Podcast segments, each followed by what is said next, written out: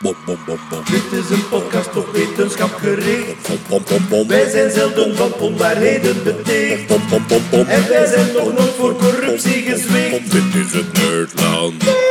Maandoverzicht. Met uw gastheer Lieven Scheire.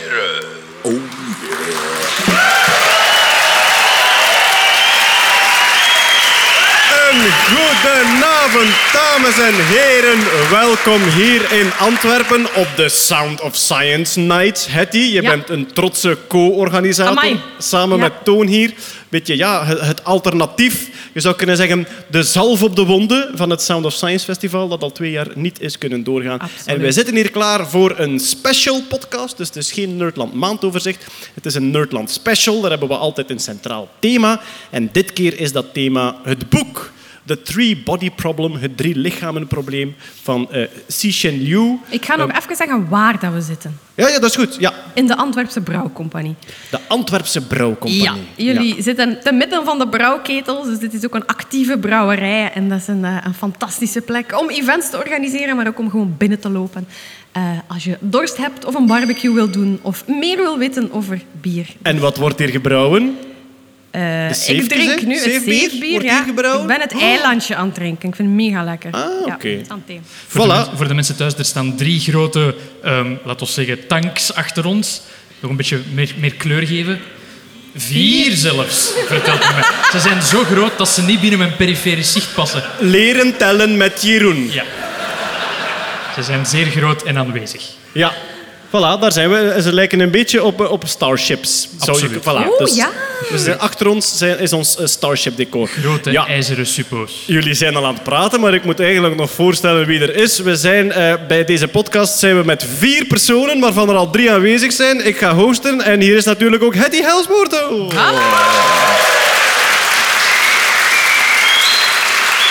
En naast Hetty Helsmoorto zit Jeroen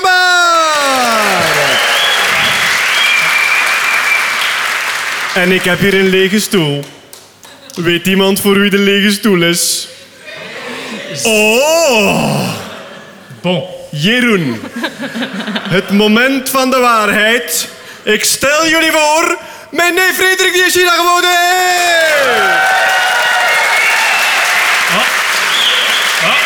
Dag Frederik. Dag lieven. Ja, Ja, jij moet Check, check. Ja, voilà. Kijk, je mocht goed dicht bij de micro zitten. Oké. Eh, dus eh, mijn neef Frederik, broer van Jonas, mijn neef Jonas. Ja. En in China gewoond van wanneer tot wanneer? 2007 tot 2013. Oké. En ook sinoloog van opleiding. Ja, dus Chinees geleerd aan de Universiteit van Gent. Ja, En dan daar gaan werken eigenlijk, in een Chinees bedrijf. een Amerikaans bedrijf. Maar in China, oké. Maar tussen de Chinezen. Tussen de Het was een Chinese werkvloer eigenlijk. Eh, ja, Ja, ja, ja voilà. Oké. En dus als ik, als ik vragen heb over, over China, ja, over de cultuurverschillen, heel veel dingen die, die wij niet begrijpen, waar we onbegrip voor hebben, dan vraag ik altijd eens aan Frederik, hoe zit dat juist? En soms heeft hij een antwoord of contacteert je iemand in China. En er is ook iets nieuw. Enfin, het is niet zo nieuw, maar het is enorm aan het pieken. Frederik wordt gek van onze uitspraak van het Chinees. Ja. Ik weet niet wat er iemand gisteren scheren en de schepping gezien heeft. er komt nog een beetje bloed uit mijn oren als je dat eh, kan zien. Eh, de schrijver van het boek, ik heb daarnet gezegd, Cixin Liu. Nee, lieve, nee. Cixin Liu.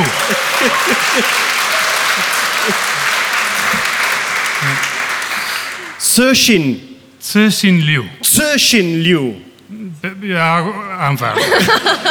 Kom, ik laat er u door. Ik heb altijd een beetje een probleem. Zo van, is dit racistisch? Ik weet niet of dit racistisch is. Moet er niet op... Nee, als Frederik het zegt niet, denk oké. ik. Eh, Ik weet het niet, ja. Misschien belangrijk om te vertellen. Voor deze podcast moest ik me voorbereiden. En hebben ze tegen mij gezegd... Jeroen, we hebben iemand nodig die de boeken niet leest. En ik zeg van... Stop, ik ben uw man.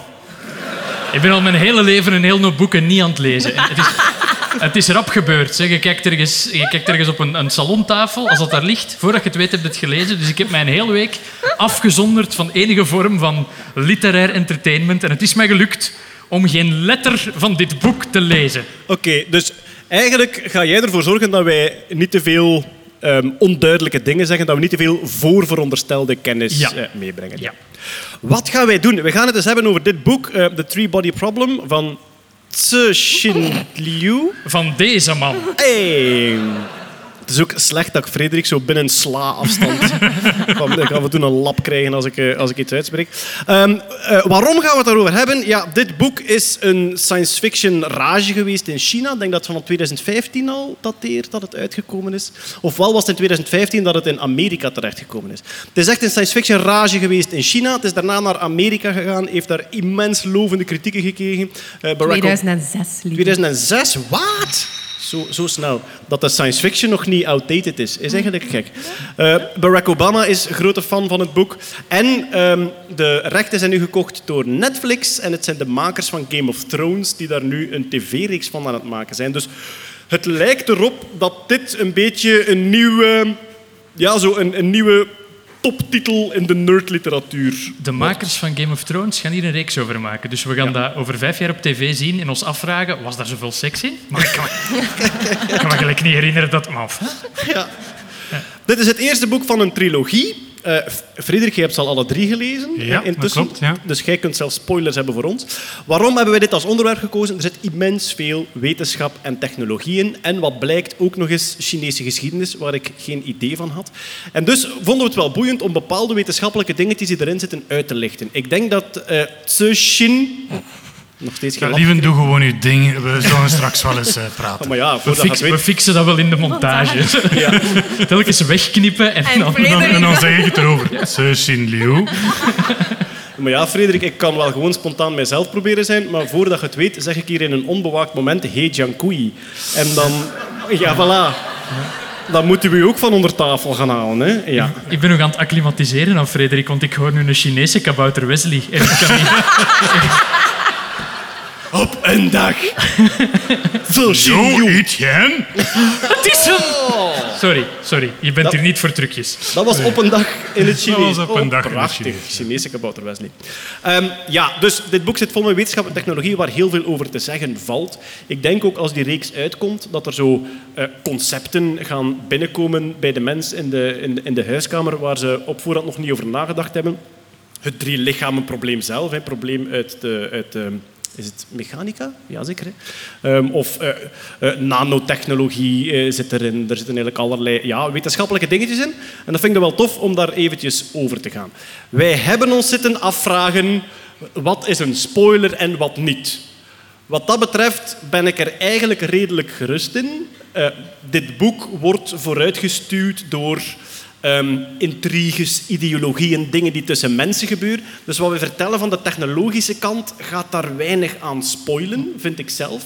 We gaan natuurlijk, ja, als we uitleggen welke rol het drie-lichamen-probleem precies speelt in het boek, dan kan het zijn dat je dat liever zelf ontdekt had doorheen het boek. Maar Dan mag ik heb je het nu gevoel- buiten gaan. Ja, voilà. Of dan zet je nu de podcast af en dan lees je eerst de Three-Body Problem en luister je daarna terug. Ik plan, Maar ik... plan gewoon om eerst een grotere spoiler te vertellen over iets totaal anders. Dat mensen niet denken aan... Voilà, Kevin Spacey is keizersoze. Voilà.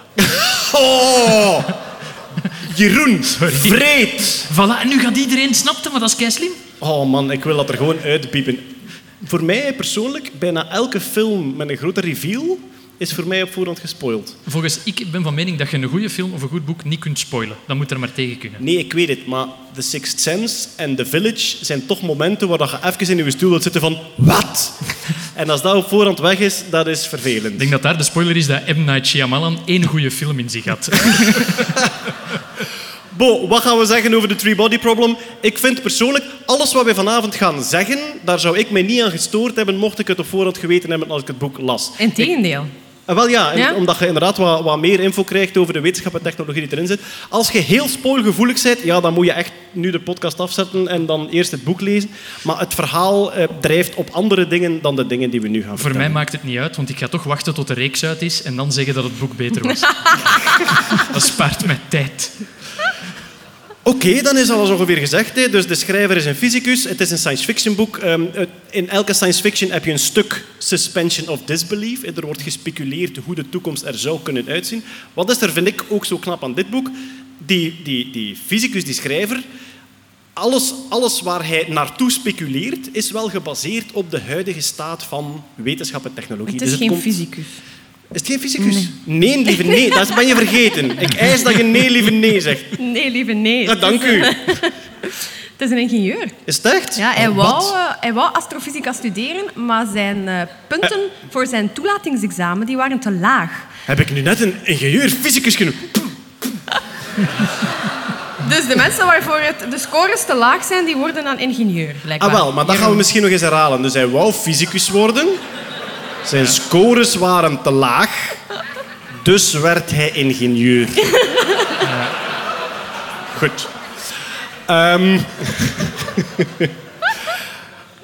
Eh, ja, waar zaten we? Dus, deze ingenieur die het boek geschreven is wel heel goed op de hoogte van, van de natuurkunde, want hij baseert zich echt altijd op dingen die, die bezig zijn in de natuurkunde. En het is een science fiction boek, dus het wordt eh, eigenlijk...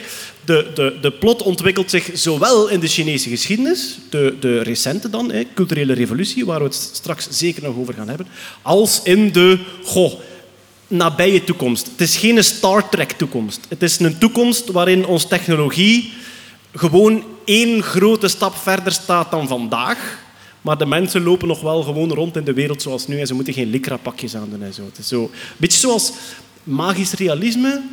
Magisch realisme is het genre waarbij de wereld eigenlijk normaal is en er gebeurt één iets magisch. Terwijl het magische genre zijn iedereen elfen en trollen. Is dat Black Mirror dan ook? Eh, ja, Black, het is- daar heeft het, daar heeft het Ja. veel van. Black Mirror is ook zo één aspect technologisch immens uitvergroten, maar de rest blijft de mens wel eh, eh, hetzelfde doen met zijn geploeter. Ik lees op de achterflap, het is 1967. Begint het ook in 1967? Ja. Ik denk het wel, hè? Ja, ja. Culturele revolutie, zeer heftige periode uit de Chinese geschiedenis, waar eigenlijk de psyche van het hoofdpersonage gevormd wordt door wat ze daarin meemaakt. En eh, zoals ik al zei, daar gaan we straks zeker over hebben, de culturele revolutie was voor mij een blinde vlek. Had ik, eh, ik wist niet dat die heftige periode in China er geweest was. Ah.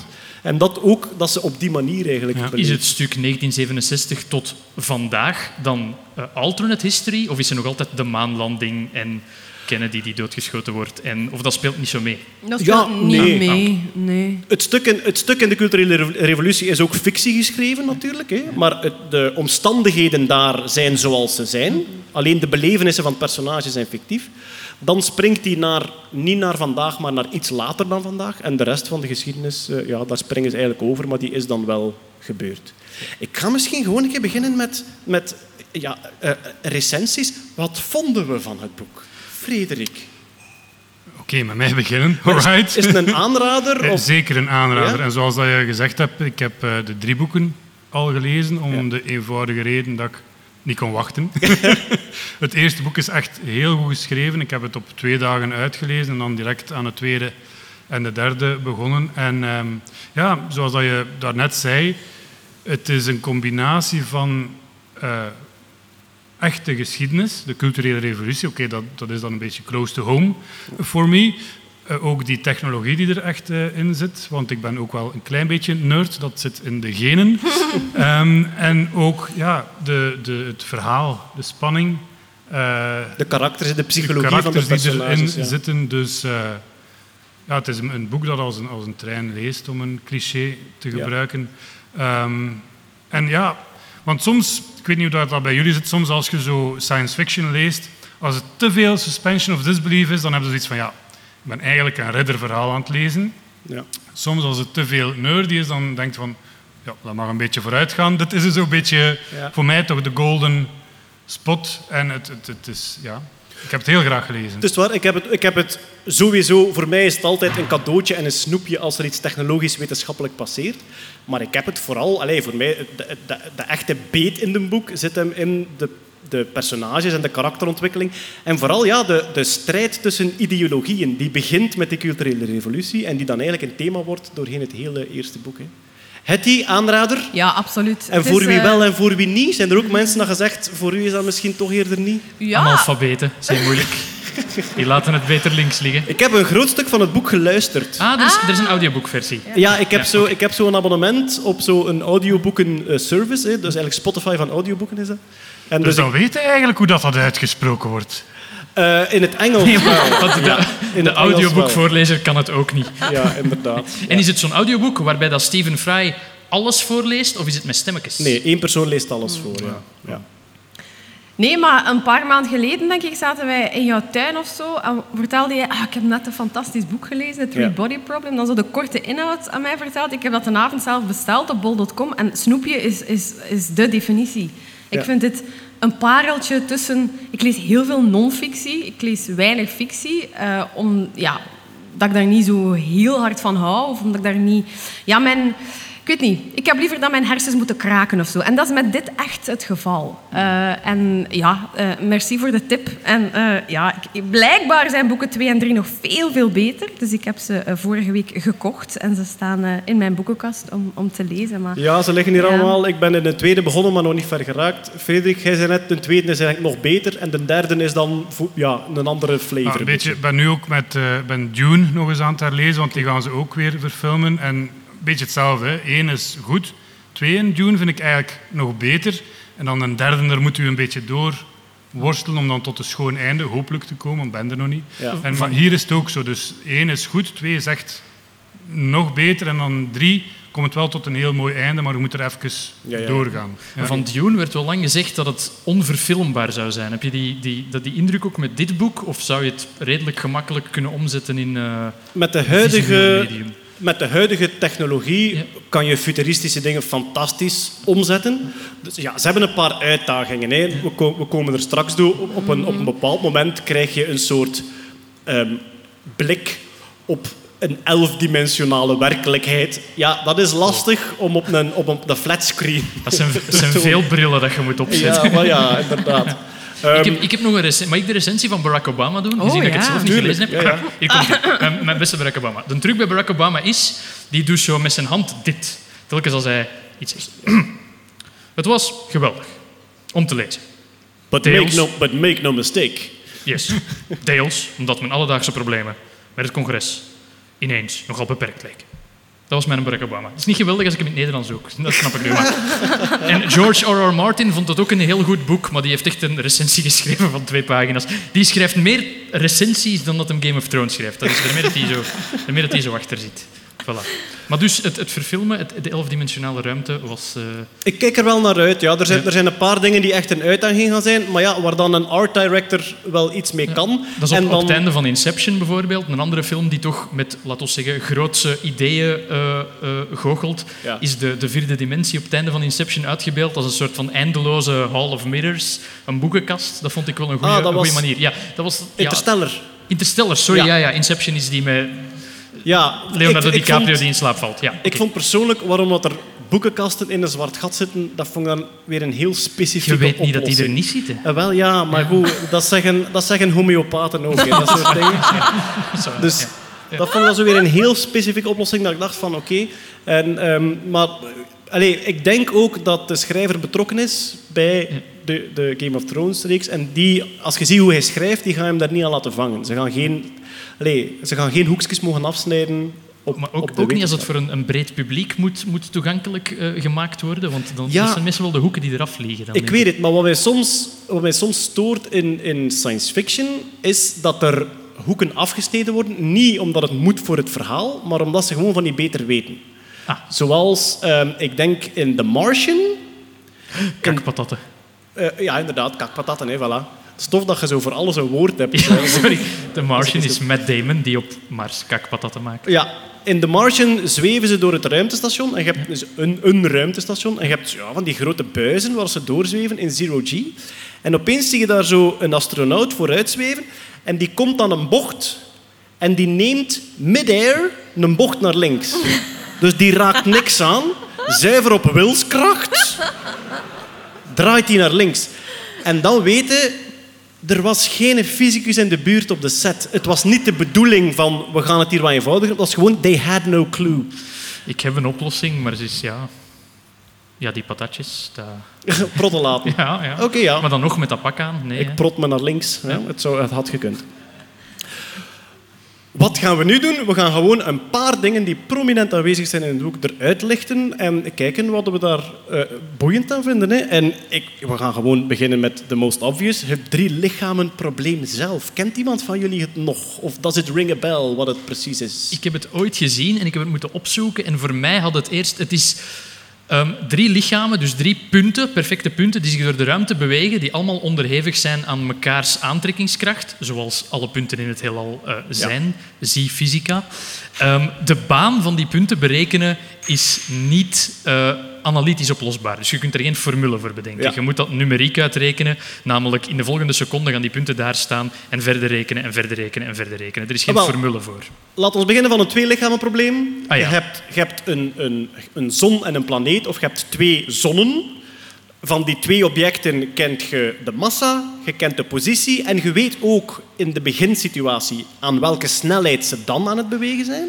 Draaien ze ook rond hun eigen as of niet? Of ben ik het nu al ingewikkelder aan het maken dan dat is? Dat maakt niet uit op Maakt zich, uit, omdat hun zwaartepunt blijft op één punt en Ja. hun gedeeld zwaartepunt blijft ook op één punt. Maar dus, waar komt het op neer als je van zo twee grote hemellichamen of gelijk welke dingen met massa in, in ehm, zero G, als die rond elkaar draaien, dan kan je een formule opstellen met bijvoorbeeld de tijd t. En als je daar t invult, dan weet jij, na zoveel tijd zullen die planeten in die positie staan.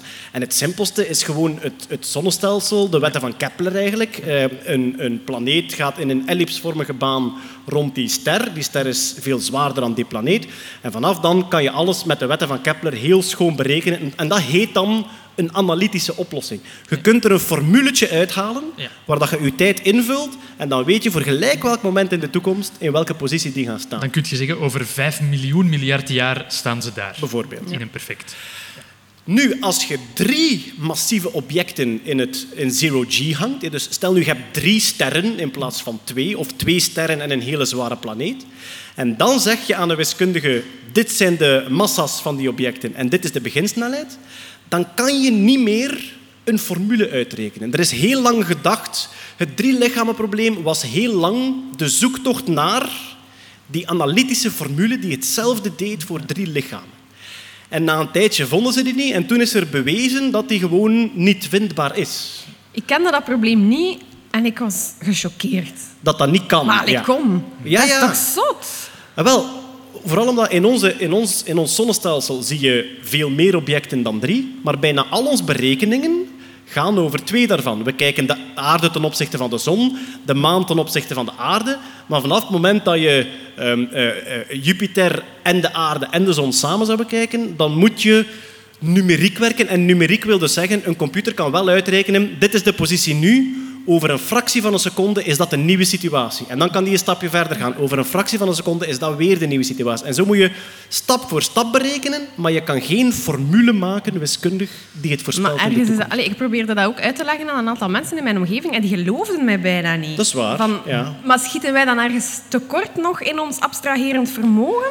Of Volgens, volgens, enfin, als er in de wiskunde gezegd wordt, wij hebben bewezen dat de analytische oplossing niet bestaat, ja? dan, tenzij dat we een immense cognitieve fout maken met eh, het, de, het complete wetenschapsveld van de wiskunde, dat kan nog altijd, hè. maar dan zeggen ze eigenlijk, wij hebben kunnen bewijzen dat die formule gewoon niet bestaat. Maar al, hè. Ja. Het is wel in de, de jaren 70 en 80 zijn er verschillende analytische oplossingen uitgewerkt, maar die speelden altijd een beetje vals door één ding vast te zetten. Als je één punt vastzet, kun je een analytische oplossing vinden. Ik denk als alle punten in de, voor de beginpositie op een rechtlijnig eh, baan aan het bewegen zijn, dan kun je ook een oplossing hebben. Dus er zijn wel fuffeltrucjes op vereenvoudigingen, ja, maar het, het, Dat is juist, en dat is trouwens, daar zijn hele mooie animatietjes van. Dus er, zijn, er, zijn, er is geen algemene analytische oplossing voor het drielichamenprobleem, maar je kunt een paar situaties verzinnen, zoals dat je zegt, ze bewegen in dezelfde richting, of eh, twee objecten zijn massief en het derde is vederlicht. Ja. En eh, online kan je zo een lijstje opzoeken van animaties van specifieke drielichamenproblemen waar er wel een oplossing voor Er is. er is een mooie oplossing waarbij dat twee punten vastgelegd zijn en het derde object er als een acht tussen beweegt. Ah, voilà. Het is eigenlijk een one-body problem dan. Is er een one-body problem? Ja, Ja. ja. Ja. ja. Dat, dat, dat is eigenlijk dat, dat is bijna een elektronbaan rond twee atoomkernen. Daar Het doet ook een beetje denken aan het probleem van de dubbele slinger. Dat is ook zo een typisch fysisch probleem dat je denkt van dat moet perfect analyse Dus te je hebt een, zijn. een slinger zoals van een, een staande klok. Ja, En aan het gewichtje onderaan hangt je nog een klein ja slingertje. klopt. En je geeft die dan een initiële kracht. Dat gaat ook... ehm, ik denk dat de fysische term apenscheid is, maar ik moet het nog even opzoeken. Het gaat, ja. Dat is chaostheorie. Ja, Ja, dat, chaostheorie, ja. dat is chaostheorie omdat minuscule verschillen in uw beginsituatie hebben, Hebben na heel korte tijd al hele grote gevolgen. Dat is waar je met three-body-probleem ook na een tijd tegen de grenzen van zit. Dat is de precisie waarmee je de volgende stap berekent. Ja. En die is ook heel belangrijk. Want als je voor je volgende stap een heel klein foutje maakt, dat foutje wordt groter en groter en groter. En zo zit je na 10 stappen of na 100 stappen misschien al heel ver van de correctere oplossing. En is dat op kleine schaal ook? Elektronen, atomen? Ja, tuurlijk. Maar ja, bij, bij, bij elektronen die rond atomen draaien, zitten met compleet andere bewegingswetten. hè. Zitten met uw kwantummechanische eh, waarschijnlijkheidsgolven. Ik denk en- toch dat het oplosbaar is. Vanavond, Hetty, kom, we Hetty. gaan eraan beginnen. Eerste vrouw op de maan, three-body-probleem oplossen. Er is ook zo- zo'n dingetje, zo NP Hard, Traveling Salesman Problem, als je bezig bent. Hè.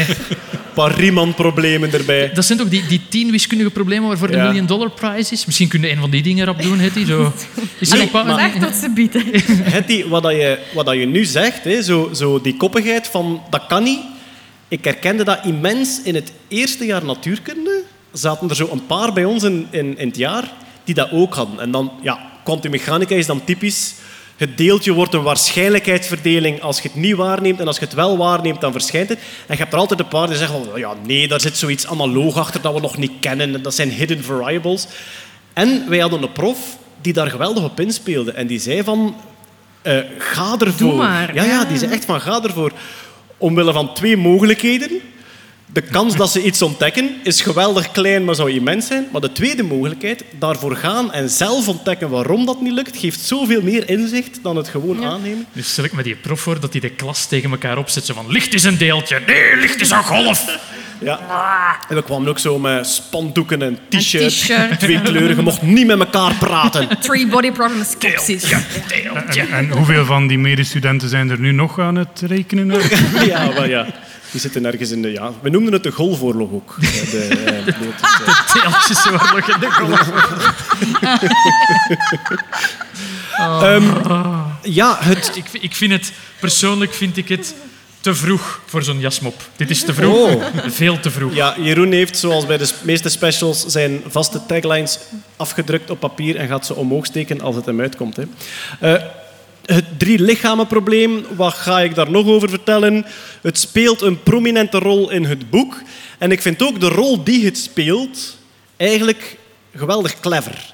En we hebben het er net backstage over gehad. Wat we nu zeggen zou kunnen een Aleijong momentje zijn in het boek. Dus misschien is dit een mini-spoiler, maar het gaat hem echt niet over de grote verhaallijn. Als je heel spoilergevoelig bent, spring dan nu misschien drie minuutjes vooruit.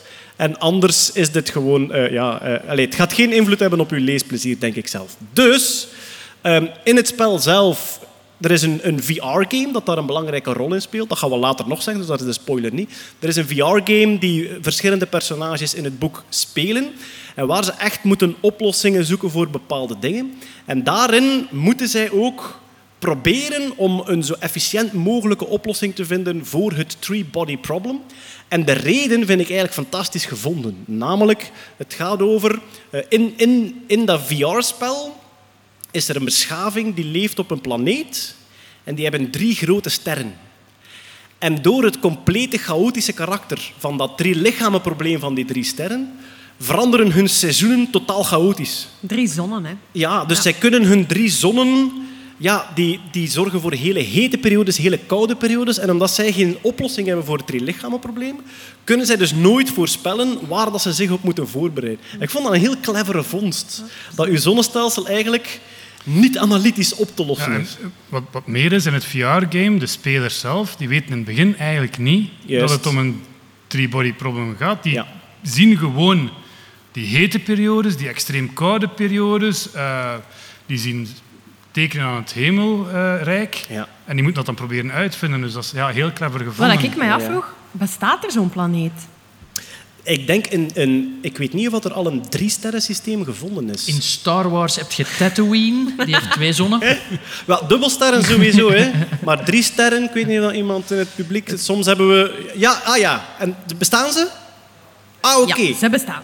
Dat, dat is zo tof aan ons Bedankt, publiek. Gelijk, gelijk welk vakgebied. Neurochirurgie, iemand? Ja, we Maar die zegt nu ja, en over een uur is die aan het, is die aan het mailen. Eh, excuseer, dat klopt wel niet, want... Ja, Bedankt ofwel voor je zegt hij straks, ik heb dat gezien op een YouTube-kanaal.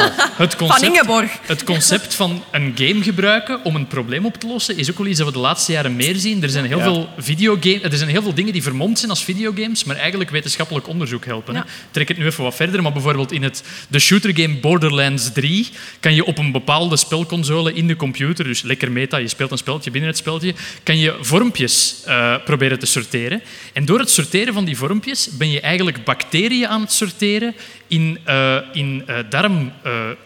schraapsels.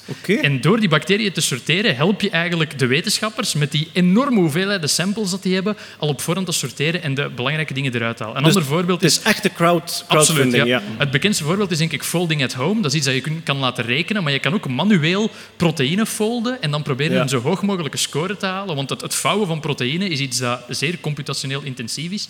En waar dat je als mens, als je dat in 3D ziet, vaak gewoon een hunch hebt van ja, maar ja, als ik dat daar plooi, dan is dat beter.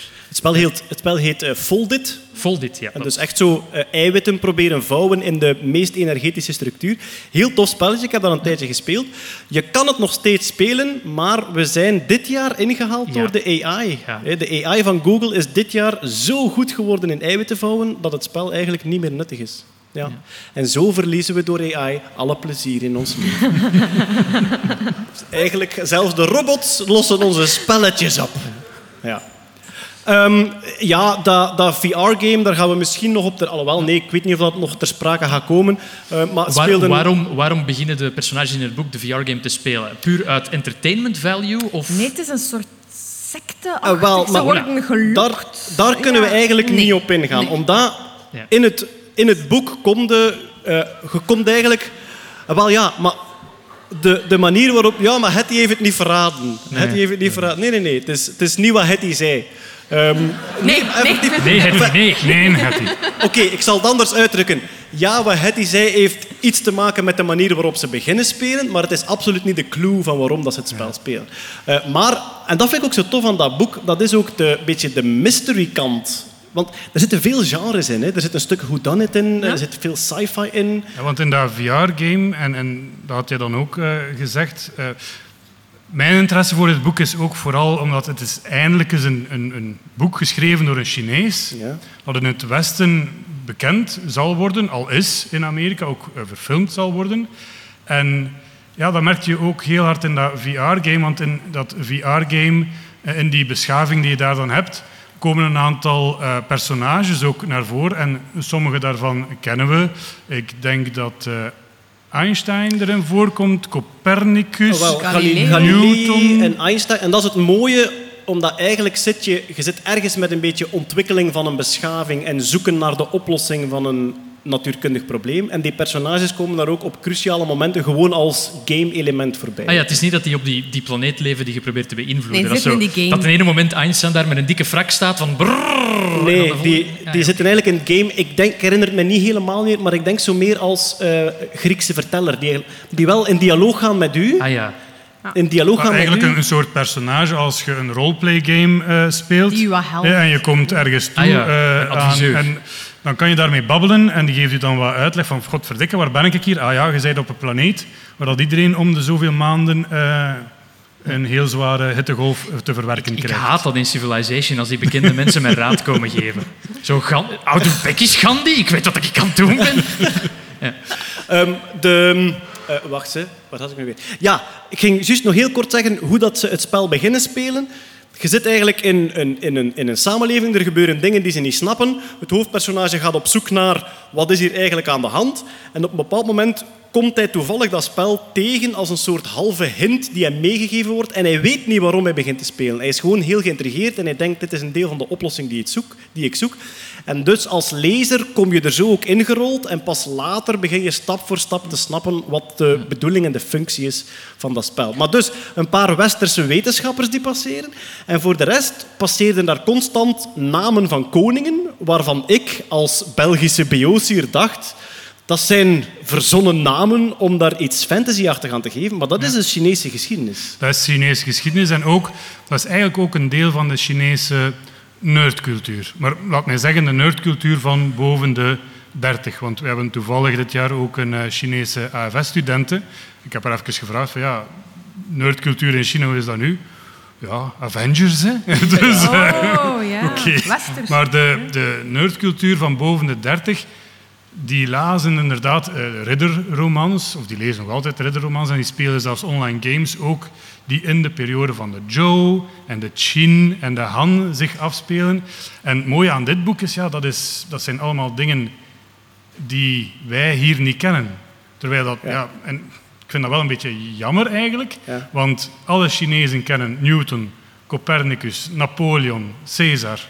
Maar kent jij King Wen of Zhou, lieven? Maar ik, Nee. mij zet je zelfs al kwijt bij het concept van een Chinese koning. Allee, dat kan super dom klinken, maar je denkt Ah, van, ja, ja. doen die aan koning? En wel, ja, maar dat is het. Voor, voor de Republiek was het, hoe heet de periode? De Warring States? Of, Ja, eh, voor, ja, ik kan niet elke periode in de China, dan, dan gaan we hier nog drie uur zitten. Maar ehm, in de verre, verre voorgeschiedenis van China, eh, dan spreken we 5000 voor Christus tot 210 voor Christus, had je koninkrijken. Ah. Beetje gelijk in Griekenland, maar iets groter van oppervlakte. Ehm, en die vochten met elkaar. En dan in 226 voor Christus zijn die verenigd tot een keizerrijk. Dan was het keizerrijk totdat eh Sun Yat-sen en dan Mao kwamen, dan was het republiek. Ja. Maar En verenigd als keizerrijk, dat is manu militari, veronderstel ik. Manu Militari, door middel van het bouwen van een muurtje en Ah, ja. een terracotta leger. Oh, dat komt vandaan. en de, de namen die trouwens we... dat de Chinese muur het enige object is waarvan je de maan niet kan zien? Ja, dat is zo. Als je daarop staat, je ziet die niet. eh, zeer Ik, eh, grote dat bocht. eh, moet ik toch Was er- tegenspreken, eh Jeroen. Was er, een, was er een medische noodzaak, noodzaak voor deze mop? Of eh, niet? Oké. Zeg maar, die namen die we hier tegenkomen in dat boek, van die, die koningen die je in dat spel ook moet gehoorzamen of opdrachten voor moet doen, komen die dan uit de periode van voor het keizerrijk? Ja, wel, dus, en- en ook dat weer, en dat is wel leuk misschien dat je dat meeneemt als je het boek gaat lezen, die komen eigenlijk ook in chronologische volgorde Oh. aan bod. Ja, dus je begint met eh, King Wen of Zhou. Ja. Dat is eigenlijk, ik kan nu even spieken, want ik weet dat ook niet van buiten. Hè. Eh, die is de stichter van de Zhou-dynastie uit de 11e eeuw voor Christus. En Voor voor Christus. 11e eeuw voor Christus. Dus dat zover we- gaat de geschreven geschiedenis We zitten hier voor de oude Grieken in Europa. voor de oude Grieken, Ja, ja. 11e eeuw voor Christus. En ehm, wat een eh, gedreven astroloog als jou zal interesseren, lieven, die is Astronoom, ook... dank u. nee, nee, ik zeg astroloog. Hij, is ook, eh, hij wordt ook erkend als de grondlegger van de I Ching. Ah ja, de I Ching met die streepjes en eh, Ja.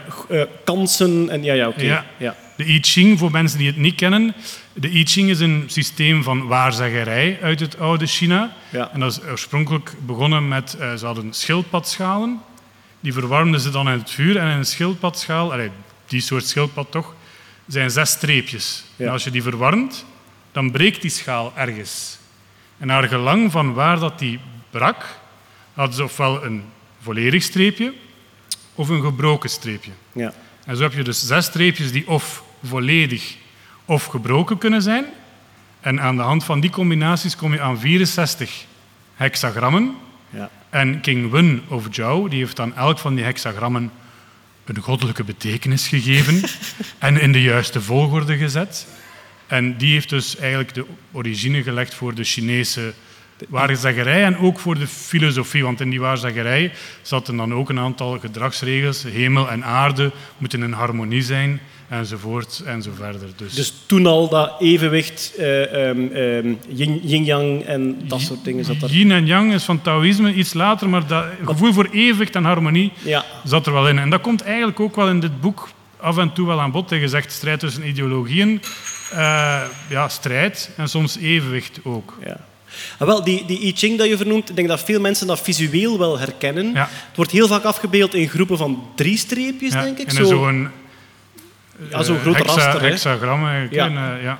En dus, want ik heb, ik heb dat boek ooit gekocht als ik zo mij eens aan, het- aan het bijlezen was over eh Taoïsme en, en dat soort dingen. Heb ik dat ooit eens gekocht. En inderdaad, dat is heel erg... Dat is eigenlijk, eigenlijk is dat horoscopen met kop of munt. Eh, omdat vandaag de dag heb je geen schildpad Nee, meer gelukkig, nodig. gelukkig niet meer. Je nee. mag, dus, je mag dus gelijk wat je wil. Je mag muntstukjes in je hand nemen en dan zelf zeggen: dit is het bovenste streepje, dit is het onderste, dat is het dat. Meestal met chopsticks die ze in een kokertje steken en dan gebroken of open en dan schud je. En hetgeen dat eruit valt, dat, dat neem Ah, je dan. Ja. En dus zo kan je op gelijk welke manier voor jezelf die streepjes tekenen. En als je dan s'morgens met kop of munt je zes streepjes getekend hebt, dan kan je daarna gaan kijken in de I Ching wat het voorspelt over de dag. En uiteraard is het complete toeval en complete bullshit, maar het is wel tof om te doen. En ik heb dat zo een paar keer gedaan voor mijzelf. En ik heb dat al heel vaak gezegd, mocht ik geen rationele mens zijn, ik zou zo bijgelovig en, en... Want het is echt mijn kop die mij moet corrigeren. Ja, lieven, dit voelt heel leuk en belangrijk, maar het is gewoon zever. Dat is, ik heb echt zo... Mijn hoofdnoot... Bij mijn vrouw is dat omgekeerd. Hè. Dus eh Cindy heeft daar totaal geen gevoel voor. Ze zegt van, wat voor zever is dat nu? En mij moet het bijna tegenhouden om die elke ochtend met schildpaddetjes in het vuur te zetten. ja. Zwat, dat was de I Ching. De, de volgende dan in de rij, ik had even toch, eh, is Confucius. Die is wel meer bekend Ja. hier. En Confucius, ja, en dat is ook weer jammer, de meeste mensen kennen de naam wel. Maar eigenlijk heeft Confucius op de wereld meer mensen beïnvloed dan Plato of Aristoteles. Eh, In aantal, ja. in aantal. De hele maatschappij van Korea, Japan, Vietnam, Thailand eh, en andere delen van Zuidoost-Azië, die zijn eigenlijk gevormd door de leer van Confucius. En hij was Eh, filosoof ook? Confucius was filosoof en politiek raadgever, want zoals in het oude Griekenland, dat ging altijd wel wat samen. En dat was ook ongeveer dezelfde periode, de vijfde eeuw voor Christus. En zijn leer, eh, die je nu nog ziet, dus vooral in, in Japan en eh, Korea, zijn leer was er eentje van relaties. De vader-zoon relatie, of de oudere broer-jongere broer relatie. En de hele maatschappij werd eigenlijk op die, eh, dat, voorbeeld van die gezinsrelatie gestoeld. De man moet de vrouw beschermen en de vrouw moet de man verzorgen. We spreken Dus over beetje- duizenden jaren geleden, Hetty. een beetje- Duizenden jaren geleden, Hetty. Ik ga me een beetje dichter bij Lieven zetten. En de, de, de vader moet de zoon onderhouden en de zoon moet trouw aan zijn vader en zijn voorvaderen. En ook op die manier moet de, de keizer of de koning eigenlijk als een vader voor zijn onderdanen zorgen. En de onderdanen moeten trouw zijn aan de Wat ik mij, eh, van het weinige dat, dat ik van, van Confucius dat ik me daarvan herinner, is dat, dat ehm, the way things are done, hoe je het doet, dat dat dan heel belangrijk is. Van dat doe je zo Ja. en daar maak je geen fouten tegen. En ehm, ik herinner mij, een Chinese vriend van mij heeft mij ooit een paar karakters eh, leren schrijven. Wacht, nu is er dan een andere Chinese vriend. vriend. Nee, Je zijn hier weer mensen aan het verzinnen. Hè? Dan moeten we weer over een jaar terugzitten. nee, dat was als ik als, ik als AFS-student in het buitenland zat, waren daar ook eh, Chinezen, Chinese studenten. En die leerden ons dan zo'n paar karakters tekenen. En die was altijd heel ambetant als wij het verkeerde stokje eerst zetten. Nee, dus lieve, de volgorde waarin dat die streepjes gezet worden, Ja. daar zijn die Ja. echt heel Ja, ja. rigoureus in. Ja. En ik zie, ik zie dat bij u ook al kriebelt Ja. als je er nog maar aan denkt. En heeft dat dan te maken met, dit is de manier waarop dat je het doet, vanuit dat Ja, eigenlijk, confucianisme? eigenlijk wel. Ik denk het wel. Ehm, en dat werkt nu nog altijd door. Hè, want als je daarnet zei van die uh, Liu had niet genoeg punten, dus hij moest eh, ingenieur eh, worden. Ja, deze man. Deze man. Eh, ja, die, die- dat hele Confucianisme dat werd ook bestendigd door middel van examens. Hè. Je moest de klassieken van Confucius van voor naar achter en van achter naar voor van buiten kennen. Ja. Daar werd dan een examen opgegeven. Je moest papegaaiwerk doen. En als je goede punten had, dan mocht je mandarijn worden. Och. Dus dat werd echt wel Ja, bestendigd. ja, ja. Dus de namen die, die je nu noemt, dat is dan echt zoals wij over Socrates, Plato en ook zeker. Caesar, Nero. Augustus, Karel de Grote. Het gaat echt over die, dat genre van, van personages. Dan is er nog eentje die een beetje minder bekend is. Dat is eh Moze. En waar dat, ja, Confucius, eh, de soort paternalistische eh, moraalfilosoof was, was Mozes eigenlijk de proto-hippie, proto-communist. Die zei van nee, nee, eh, vader-zoon-relatie, dat is oké, maar je moet eigenlijk iedereen even graag zien. Ah, iedereen gelijk. Ja. free love. Maar ehm, En dat was dan de laatste.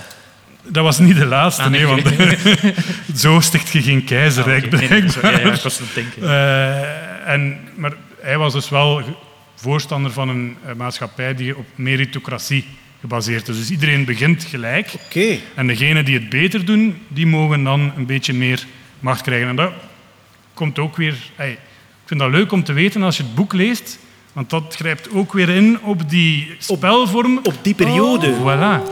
Kijk, maar God, dat is, wat, wat dat jij nu aan het vertellen bent, dat is exact wat dat ik wou doen met de wetenschappelijke kant. Ja. Dat ben jij nu aan het doen met de geschiedeniskant. Omdat ik lees dat boek en ik zie dat drie-lichamen-probleem en hoe slim dat eigenlijk in de plot zit. De andere dingen die we nog gaan tegenkomen, eh, elfdimensionaal universum, nanotechnologie.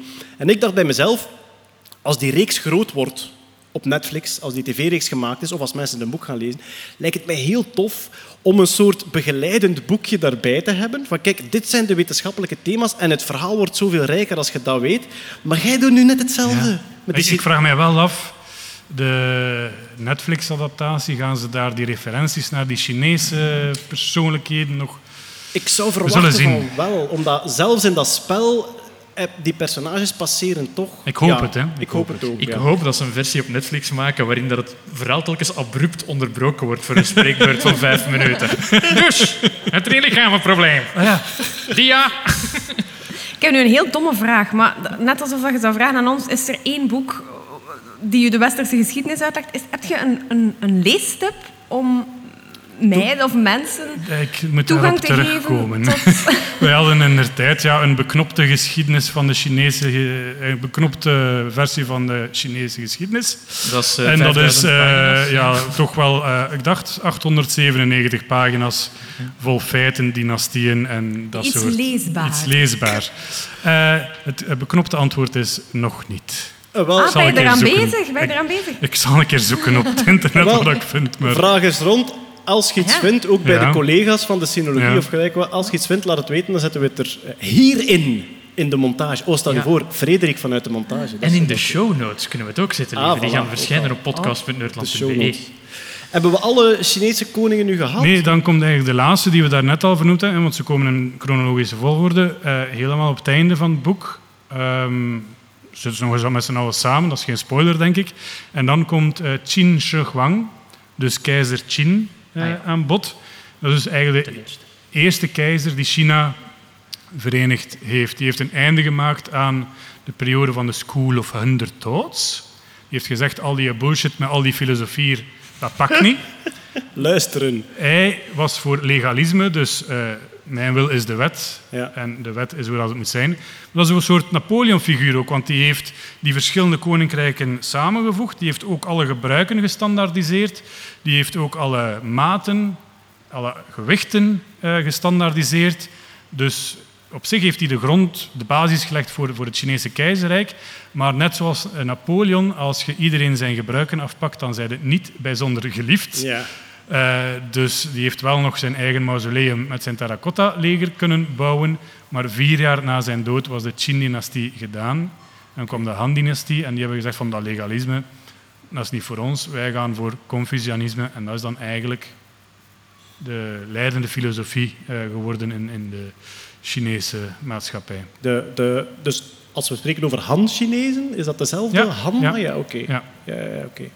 En dan... En dat is 206 voor Christus. Dus China is eigenlijk het Romeinse keizerrijk dat nu nog bestaat. Oeh, kijk eens aan. Het is wel een republiek geworden, onlangs. De, het Romeinse keizerrijk ook eh, op een Ah, ja. moment een republiek geweest, waar. denk ik. En daarna geëind... Ja, het is eigenlijk van republiek naar keizerrijk gegaan. En waar dat we met China naartoe gaan, dat moeten we nog zien. ja, ja, ja, dat is waar. We zullen zien. Maar is het dan een idee om, als je tijdens het lezen van dat boek zo een naam van een, van een Chinese koning tegenkomt, om eventjes te gaan kijken wat zijn de basisfilosofische regels? Want dat, is dan, dat speelt dan ook nog eens een functie in het, in het VR-game dat dan zich ik, ontwikkelt. ik zou het niet... Er staan voetnoten in het boek. Eh, in de Engelse vertaling is het wel zo... De vertaler heeft altijd voetnoten toegevoegd. Die kun je een keer lezen. Maar ik denk als je echt gaat onderbreken om te gaan opzoeken, gaat je leesplezier... eh, In het Nederlands zijn die eruit. Ja. ah, Oei. Toen mij een beetje denken aan de Divina Commedia, waar dat je zo drie vierde boek had en dan nog een extra boek, al voetnoten van. Ah, zo- Dante komt Huppel de Pup tegen. Zoveel is het Huppel de niet, Pup was een ja. Italiaanse edelman uit. Oh ja, ja, ja. Het is weer een edelman. Maar ja, dat heb je Ja. soms met die klassiekers. Eigenlijk is dat ja, de, de ideale wereldaflevering op Canvas Ja. van die tijd. Er wordt zo de draak gestoken Ja. met mensen die toen belangrijk waren en die nu al lang, name droppen een boek. ja, voilà, al lang vergeten zijn. We gaan eens terug naar de technologie. We hebben het drie-lichamen-probleem al gehad. Ehm, wat er ook plotseling tevoorschijn komt in dat boek, dat is het elfdimensionale universum. Dat komt uit de M-theorie. Iemand van jullie die in notie, of weet waar het zich ongeveer situeert? Ja, M-theorie? is, het, is het de multiple universe theorie? Wel, multiple universe eh, of mul- multiverse Ja. zit dan meer in de kwantummechanica. Dat tel- telkens als er zich een kans-evenement voordoet, dat 1, 2 of 3 kan zijn. Dat we ze allemaal In, krijgen. in ons universum zien wij 1, 2 of 3. En de theorie is dan, het universum splitst zich in drie, waarin alles één keer gebeurt. Maar dat staat er eigenlijk buiten. Ehm, het komt eigenlijk uit de stringtheorie. Dus stringtheorie waarbij ze proberen om kwantummechanica in nog een dieper niveau te verklaren. En de populariserende uitleg die ik altijd gekregen heb, want ik heb er mij nooit in ingewerkt in stringtheorie, de populariserende uitleg die ik altijd gekregen heb, is al die elementaire deeltjes die we hebben, die, die, die elektronen en die quarks en dat Higgs-boson enzovoort, die kunnen we ons voorstellen als een string, dus een draadje, en dat vibreert met een bepaalde energie in een bepaald patroon. En sommige strings zijn open en sommige zijn cirkeltjes. En als die met elkaar interageren, dan krijg je ja, gelijk kernreacties. Dat zijn elementaire deeltjes die elkaar beïnvloeden. En dat zou dan allemaal stringtheorie zijn. Er was een beetje een probleem. Die, die strings die trillen niet in drie dimensies, maar volgens de eerste berekeningen trilden die in tien dimensies. Bon, als mens hebben we het ons als, als mens hebben we het heel moeilijk om ons meer ruimtedimensies dan vier voor te stellen. Ja, ik moet zelfs niet zeggen heel moeilijk, we kunnen dat niet. Hè. Wij hebben ons, ons drie dimensies en er wordt vaak gezegd, een wezen dat in vier dimensies leeft, ja, stel dat er een beestje is dat heel zijn leven in twee dimensies leeft, dat zou zich niet kunnen voorstellen wat boven of onder is. En dus zeggen ze, op die manier zouden kunnen een extra dimensie toevoegen. Wij hadden eh, wiskundeprofessoren aan de universiteit die daar, die daar zo heel kregelig over deden dat wij probeerden om ons dat voor te stellen als ruimtedimensie. En die zeiden, kijk, het is gewoon heel simpel. Als je nu naar deze ruimte kijkt, waar wij nu zitten, en je gaat in één hoek van het gebouw zeggen, dit is het nulpunt, 000, dan kan je van elk punt in de ruimte in drie cijfers zeggen waar dat is. De afstand langs eh, de eh, ene muur, de afstand langs de andere muur en de hoogte. Dus met drie cijfers heb je elk punt in deze ruimte beschreven. En toen zei hij, ja, als je een vierdimensionale werkelijkheid wil, dan voeg je daar toch gewoon een cijfer aan toe, zeiden die. En die zei bijvoorbeeld, een van onze wiskundeprofessoren, die zei, dat hoeft daarom geen ruimtedimensie te zijn. Voeg daar eens gewoon de temperatuur, aan Temperatuur, toe. ja, dat, Is, dat is waarom ik het geleerd heb in de eerste dus kant. Ja. Elk punt in de ruimte heeft ook een temperatuur. Maak daar ook een cijfer van en dan heb je een vierdimensionale ruimte. Het zijn alleen geen vier ruimtedimensies. En je kunt zelfs wiskundige berekeningen doen, want die temperatuur gaat waarschijnlijk een beetje gradueel veranderen, ook volgens hoogte. Ja, is het vrij warm. Ja, inderdaad, ja. Maar dus die, die strings die, die, die trillen effectief in tien ruimtedimensies. En dan zijn een hele hoop, dat, ik spreek nu jaren negentig, hè, M-theorie is dan eh, een beetje ontstaan. Een hele hoop mensen zijn daar, daarop beginnen rekenen en op de duur had je vijf verschillende uitwerkingen van die stringtheorie. En elk van die vijf had tien dimensies nodig.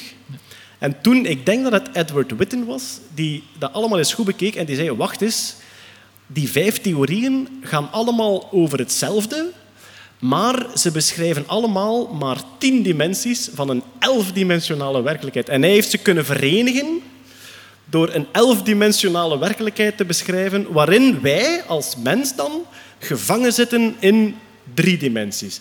En hij noemt dat zelf, wij zitten vast in een driedimensionaal membraan op een elfdimensionale werkelijkheid. Dus je hebt een glas melk, dat is drie dimensies groot. Daar ligt een vel op die melk en dat vel is twee dimensies. Dat vel, dat zijn wij. Dus dat vel is een tweedimensionaal membraan op een driedimensionaal glas melk. En wij zijn een driedimensionaal membraan op een elfdimensionale werkelijkheid. En bijvoorbeeld, als wij licht uitsturen, dat blijft heel mooi binnen ons drie dimensies. Anders zouden we zien dat er energieverlies is en dat is er niet. Hetzelfde met zwaartekracht enzovoort. Maar misschien zijn er op andere manieren interacties met die andere dimensies. Moesten al die mensen zich nu een keer bezighouden met vaccinontwikkeling? Zou dat niet... Maar we hebben vaccins zodat we meer tijd hebben om na te denken over natuurkunde. Dat is eigenlijk... Dus zou kunnen, ik zou kunnen zeggen dat bepaalde fysische ehm, gebeurtenissen die we momenteel niet kunnen verklaren, mogelijke dimensielekken zouden zijn. Dat is waar iedereen altijd aan denkt. En Ja. ik ook. Hè. Dan denk je Ja. altijd van, wauw, tja, wie weet, een zwart gat is een soort heel zwaar object in die andere... Maar ja, daar zijn veel, veel galantere andere verklaringen voor. Maar inderdaad, je begint direct te zoeken. Maar wat Ik- gebeurt ik vind, er in... Ik vind ja? ook de... de eh, nee jongens, het zijn elf dimensies. Vind ik de het wiskundige equivalent van ik altijd eentje meer. Maar eh, ja, eh, he, he one-upped it. Die one-upped, ja. Letterlijk dan. Ehm, in dat boek, omdat we dus verder in de toekomst zitten en omdat er nieuwe technologieën mogelijk zijn, speculeert die schrijver dan over...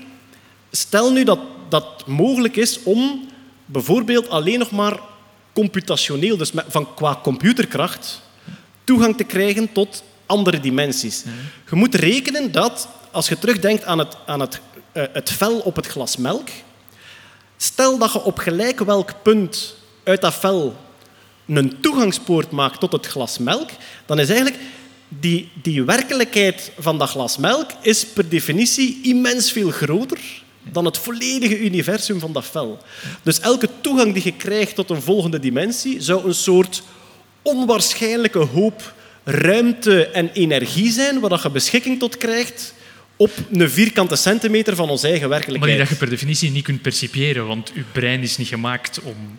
Wij niet, inderdaad. Wij, Wij nu nee, niet. Maar dus, dat is dan het toffe aan science fiction. Dan kun je gaan speculeren. Stel dat je erin slaagt om via een gaatje in onze driedimensionale werkelijkheid, dan heb je eigenlijk heb je dan letterlijk de TARDIS van Doctor Who.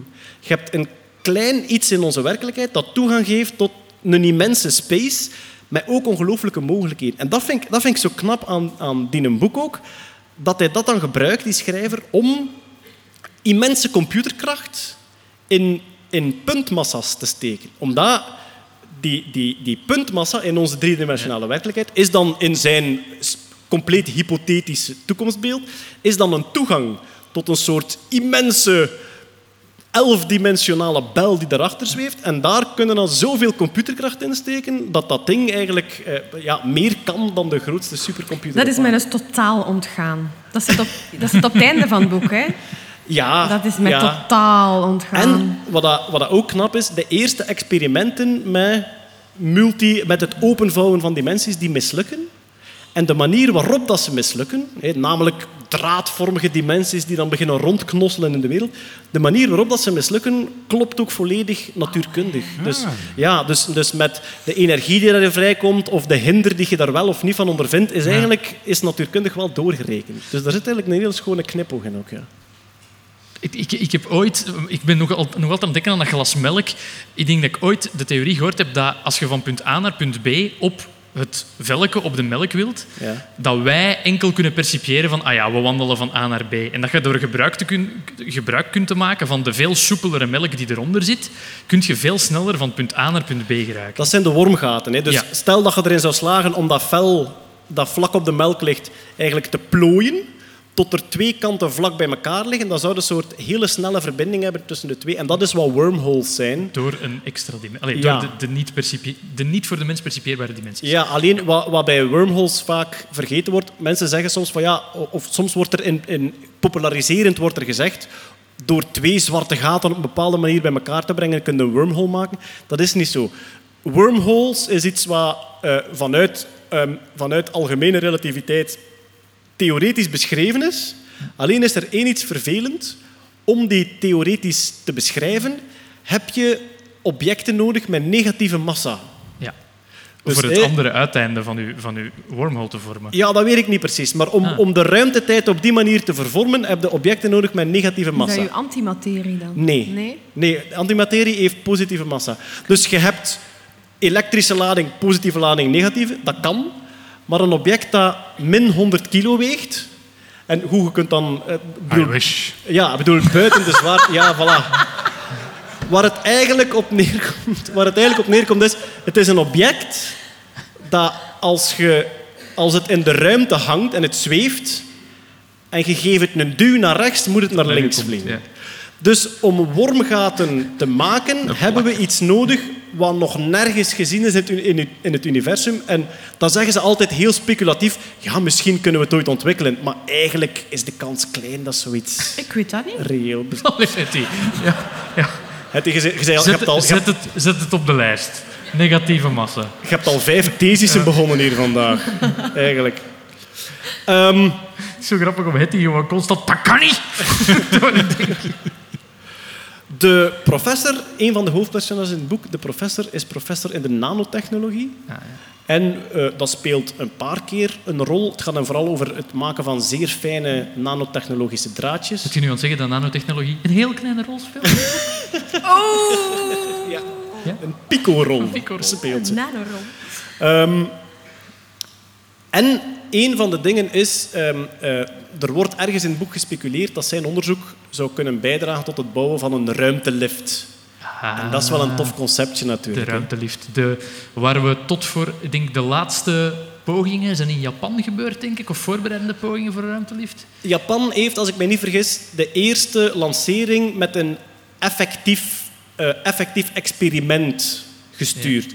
Maar dat experiment kun je eigenlijk vergelijken met de, de allereerste mislukte poging van de Wright Brothers vergeleken met de maanlanding. ja, eigenlijk is het dat. Ja.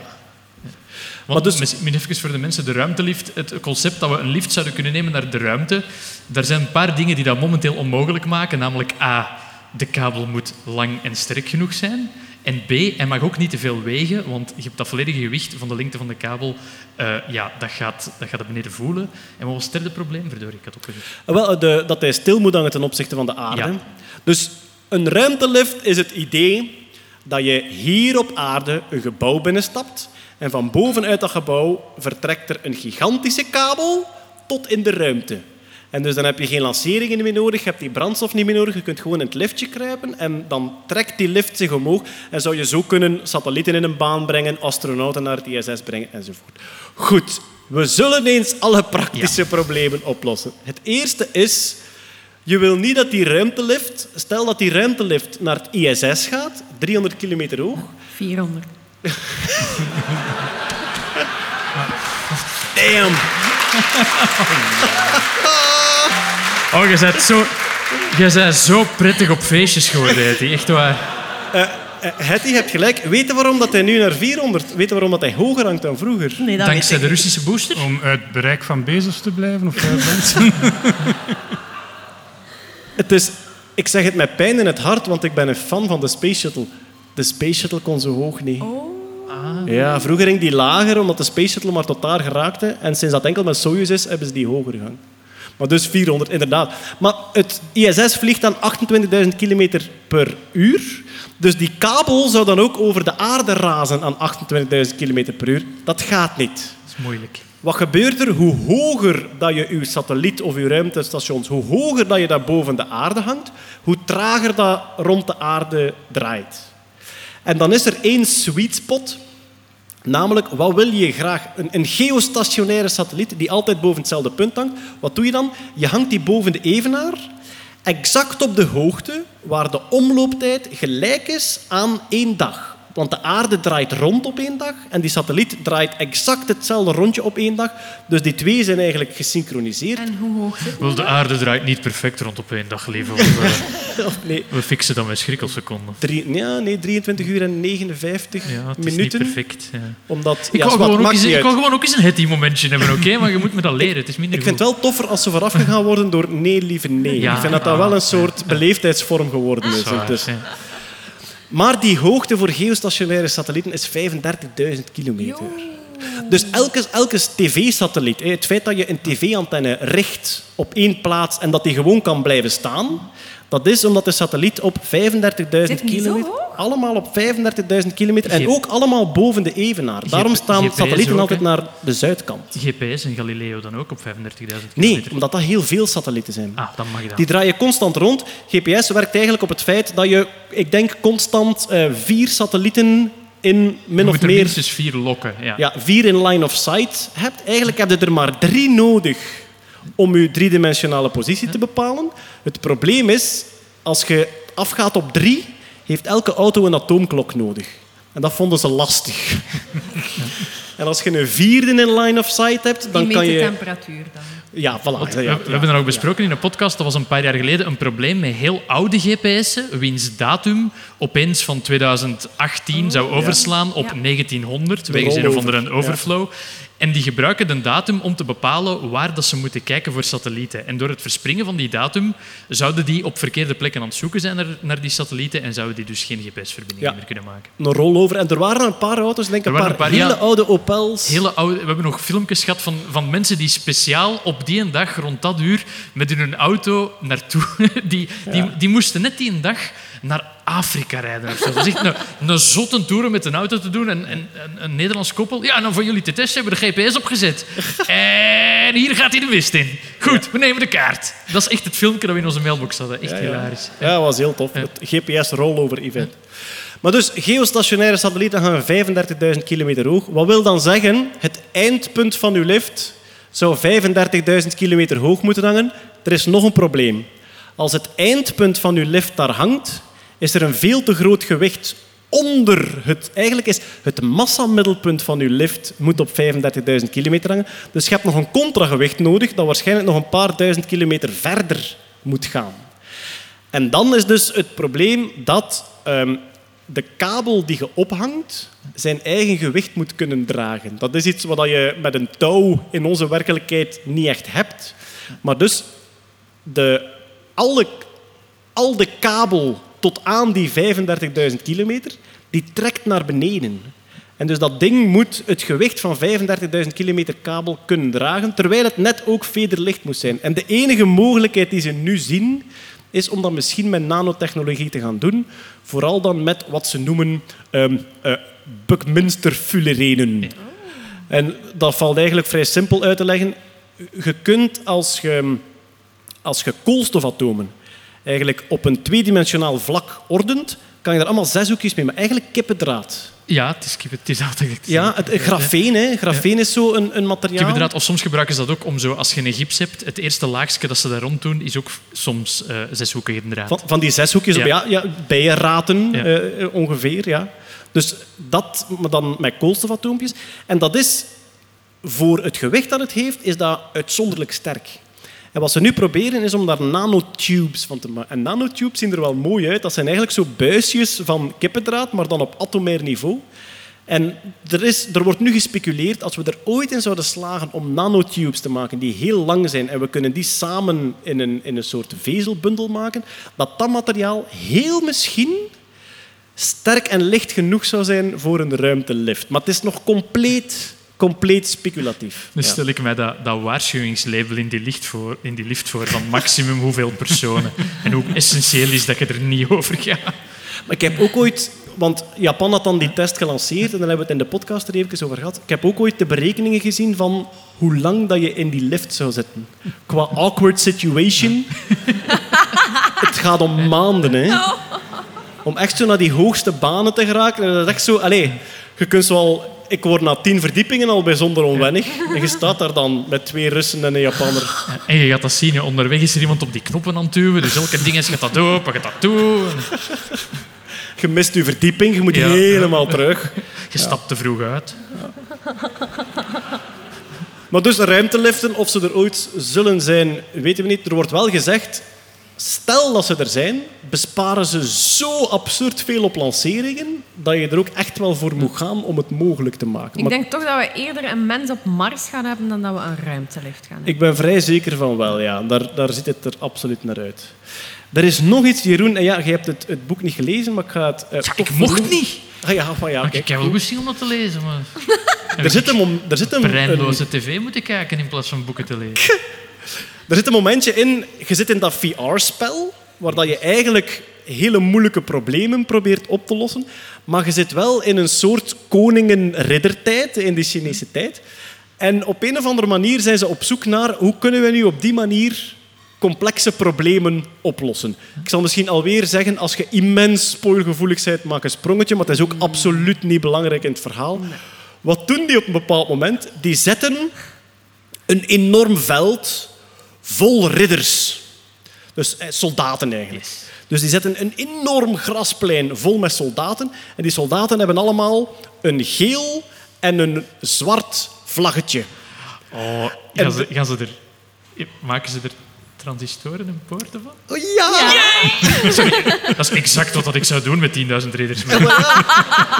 Dus wat ze doen is, er zit dan zo een of andere geleerde die een numeriek probleem wil oplossen en die daar een computer voor nodig heeft. En wat doet hij dan? Die geleerde die toont aan een paar ridders te paard wat de beginsetting is van de eerste rij soldaten.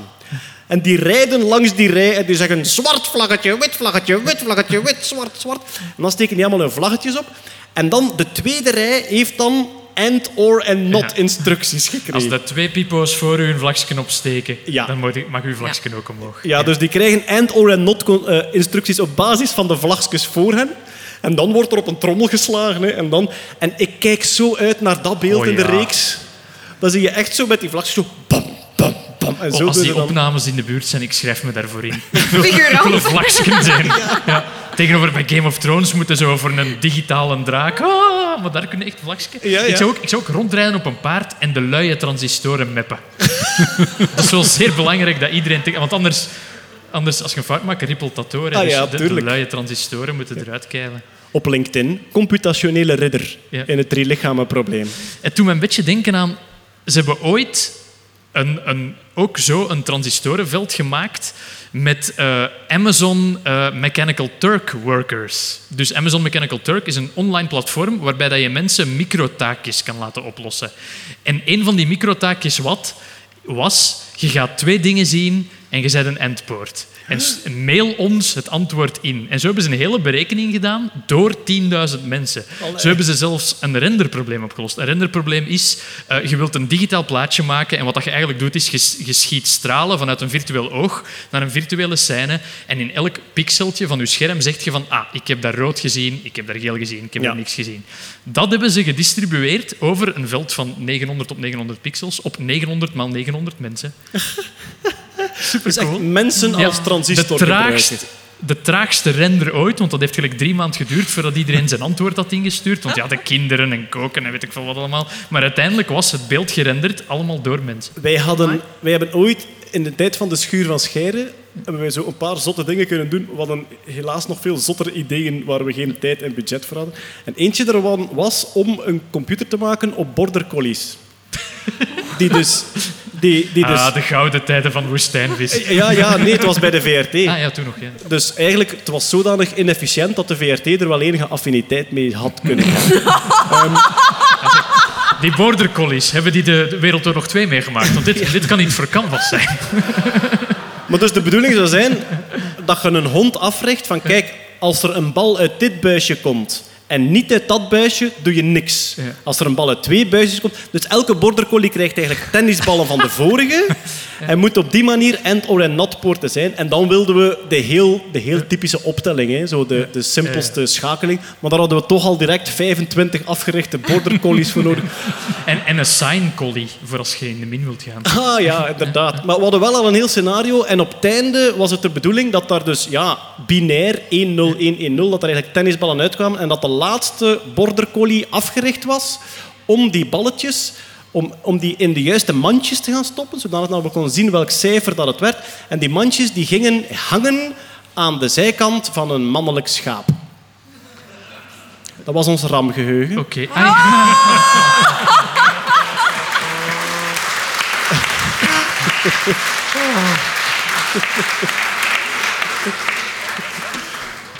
Dat test je eerst op muizen, ik weet het, Jeroen. En in het scenario hadden we ook ergens nog... Ik zeg het, we waren zo utopisch aan het denken. Het was gewoon niet praktisch haalbaar. Dat we ergens een vlinder gingen loslaten waar een hond door afgeleid was, dat er een buik in het programma geslopen was. Enfin, eh, we zijn er helemaal berserk op gegaan. Ik dacht dat je een vlinder ging trainen om iets heel specifiek te doen om het chaos-effect te demonstreren. Butterfly Ja, wel. effect. hè. Eh, we zullen er misschien ooit een tekenfilm van maken, want in het echt gaan we het waarschijnlijk niet gebouwd krijgen. Eh, hem, ja, eh, die, die logische poort, hè, daar ging het dus om. Dus ja, de, de, de riddercomputer die daar voorkomt en die dan heel duidelijk maakt hoe dat zo die binaire En dat is berekeningen... in dat VR-spel. Eh, dat is in, ja. Ja. want je, je, je zit in dat VR-spel en je hebt via een van die koningen heb de toegang tot immens veel... Mijn commercieel brein is meteen aan het denken. Zou er ook een licensed game kunnen komen van het boek? Is dat VR-spel ook effectief leuk te maken? Nee. Nee. Ah, Niet, niet, in, niet in de Met manier al die dat het... historische figuren die langskomen van ho, ho, ho, bla, het bla, lijkt alsof je een Ja, probeert te maken. Nee, ja, nee. In, in de manier dat het in het boek zit, is het absoluut niet speelbaar te maken. Maar de kans is wel groot dat er... Alhoewel, ik zit net te denken, van, van Ready Player One is daar een computergame van gekomen. Want dat smeekt daar eigenlijk ook om. Hè. Maar ik denk niet dat dat nee, maar ik denk dat Ready Player One al nee. te dicht tegen virtuele werelden en de metaverse aanzit om het nog te... Ja, om dat nog te vergamen. En ik denk hier ook, bij, ja, bij Ready Player One zat je in een VR-omgeving. Voor de mensen die het niet kennen, Ready Player One is een totaal ander boek. Ook heel lang een soort nerdbijbel geweest. Daar is dan een film van gemaakt. Heel lang onverfilmbaar verklaard wegens te technisch en hoe stelt je dat voor visueel Ja. en zo. Maar dan Steven Spielberg heeft het verfilmd een paar jaar geleden. Ja, en de film is, de film is oké. Enfin, de film is niet de ramp die je zou verwachten als je zo'n boek verfilmt. Het boek is beter. Maar ja, maar ja, het boek is onvergelijkbaar Het boek, is. Het is- boek is veel beter. Ja. de, de, ik heb film geen is, een van de twee gezien of gelezen. Maar Maar ja. het boek is beter. de film van Ready Player One is een fractie van het boek. En er zit heel, het raakt een paar onderwerpen aan die in het boek zitten, maar totaal niet alles. Wat ik nog wou zeggen over, over Ready Player One is... Ik zat in een boek te lezen en ik dacht de hele tijd... Heeft die schrijver nu... Even, is die nu even in bloedvorm? Of is dat iemand die dit zeker nog kan doen en de volgende keer beter gaat schrijven? Want heel vaak vind ik, merkte in dat boek... Je zit net op het randje van ongeloofwaardig of eigenlijk slecht gevonden te worden. En ik heb Ready Player One verslonden. Hè. Dat, dat boek dat klopt als een bus. En hij heeft daarna nog een geschreven. Ik denk dat die Armageddon heet. Ja. En dan zag ik, het was een toevalstreffer. Die mens heeft met Ready Player One het boek van zijn leven geschreven, maar in de opvolger merkte van, oeh, hij heeft het, allee, het is niet dat hij de schrijver is die dit telkens opnieuw gaat herhalen. Ehm ehm, heet het niet Armada? Armada heette hij waarschijnlijk, die in het tweede boek. En die wordt nu ook, of de filmrechten zijn verkocht, maar ik weet niet wat zal begonnen zijn aan de, aan de verfilming ervan. Dus wat, hoe kwamen we hier nu weer terecht? Ja, het VR-game. Daar komt waarschijnlijk geen, eh, geen computerspel van, denk ik. Eh, we hebben nog ehm, één wetenschappelijk iets staan en dan nog iets eh, cultureel erachter. Maar wat er ook gebeurt in het boek is dat er ehm, gezocht wordt, en dan zitten we in de jaren 60 terug, dat er eigenlijk de hemel afgespeurd wordt om eens te gaan luisteren, is er elders een beschaving? Zijn er elders nog signalen van buitenaardse wezens te horen? Dat, En- klinkt, dat klinkt heel hard als het SETI-project. Dat is wat we nu doen, inderdaad. Ja, dat is wat we op dit moment volop aan het doen zijn. Is Via- SETI gewoon Search for Extraterrestrial Intelligence? Ik denk dat dat Hey. is. Ja. Ja. En dat zijn grote satellieten die eigenlijk de hemel afspeuren al, al, al zeer lang. Radiotelescopen. hè? Ja. Is het mysterie van de Three Short Bursts al verklaard? Ik weet, een van de, de, ja, de manieren waarop dat SETI in het nieuws gekomen is, is omdat er op een bepaald moment drie korte radiobursts zijn, zijn eh, waargenomen, waarvan nog altijd de verklaring niet gevonden is. SETI heeft een, een zeer bekend signaal en dat heet the wow-signal. Juist, ja, ja, wauw. En dat was, dat was ooit iemand die, die de, de ruis... Want ja, die satelliet krijgt constant ruis binnen. Net zoals onze tv, als die tussen kanalen staat, die sneeuw, dat is eigenlijk ruis uit het universum. Van wanneer is dat geleden? Ja, wel, maar dus Je weet wel, de tv Ja, ja, van de- 30 jaar geleden. de sneeuw tussen kanalen, hè, een deel daarvan is echo van de Big Bang. Ja, een deel Dus je luistert een beetje, je ziet een beetje Big Bang in de sneeuw op je tv. En dus die satelliet, als die gewoon rondkijkt in de ruimte, krijgt hij ook dat. En wat ze eigenlijk zoeken, dat is een soort signaal dat er intelligent gestuurd uitziet. En eh, ja, het is lang geleden, in de jaren 80 of zo. 77. 77. Ik had weer een nee, lieve nee nodig.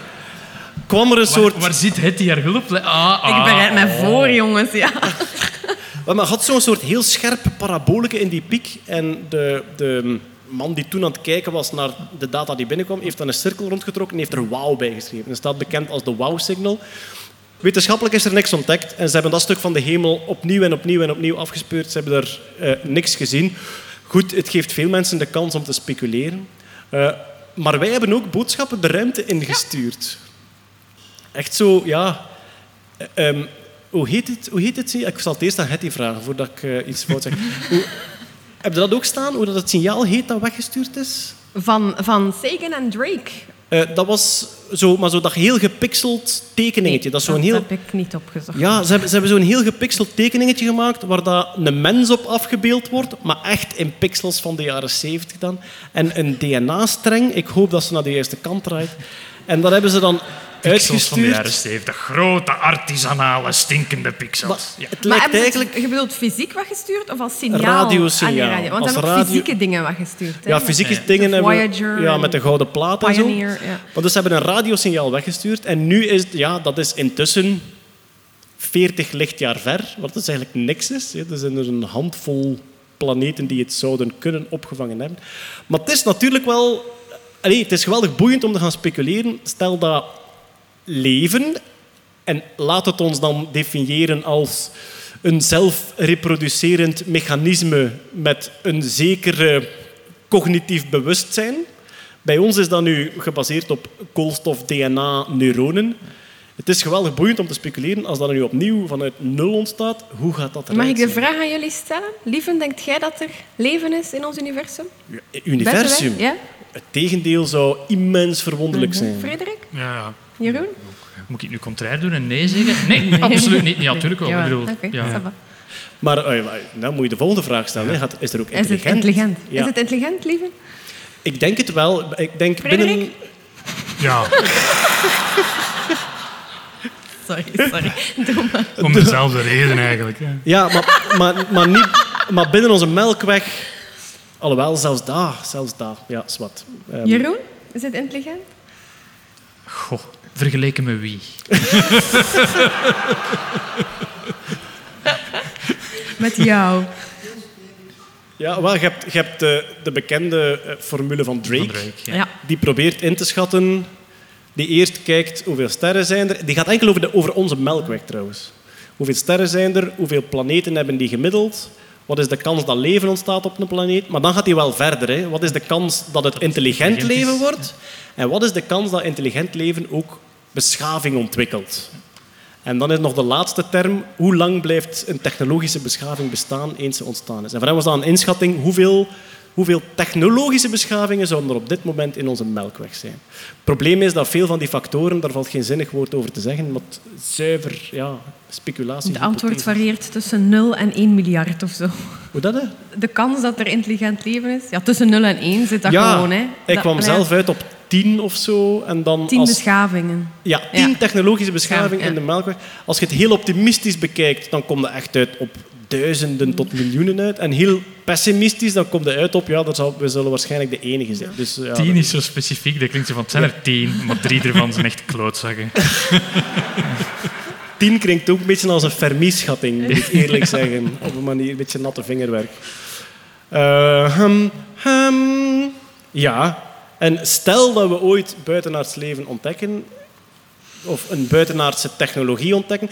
Om te beginnen, de volgende generaties eh, eh, telescopen die eraan komt, ruimtetelescopen, zijn geweldig spannend, omdat die waarschijnlijk ook de atmosfeer van exoplaneten kunnen analyseren en daaraan kunnen zien of er bepaalde gassen zijn die op leven duiden. Is de James Webb-telescoop zo'n zo'n ding? Want ehm, de Hubble, die dat vervangen gaat worden door James Webb, Hubble is nog een optische telescoop. En James Webb zou dan een, een radiotelescoop zijn. Ja, maar er, er worden er drie gelanceerd. Ah, oké. ja, de Hubble wordt eigenlijk vervangen door drie telescopen die ook op, allemaal op andere, andere golflengte werken. Maar dan kun je, dat, daar kun je ook weer de filosofische vraag stellen. Stel nu dat, er, dat je een buitenaardse beschaving vindt op drie lichtjaar van hier. Misschien kunnen we wel al de technologie ontwikkelen om een boodschap heen en terug te sturen, maar die is dan vier jaar onderweg. En dan krijg je terug. En wel, en ja. En je hebt, je hebt heel veel tijd nodig om, om mekaars gebrabbel te analyseren. En dan kun je ook de vraag stellen: alles waar wij het over willen hebben, als zijn jullie agressief tegen ons of niet, willen jullie vrienden zijn, kunnen we iets doen? Misschien hebben die een totaal andere mindset van wat, wat hen drijft in de evolutie. Of, enfin, je kunt er. Wacht, ik kom naar daar.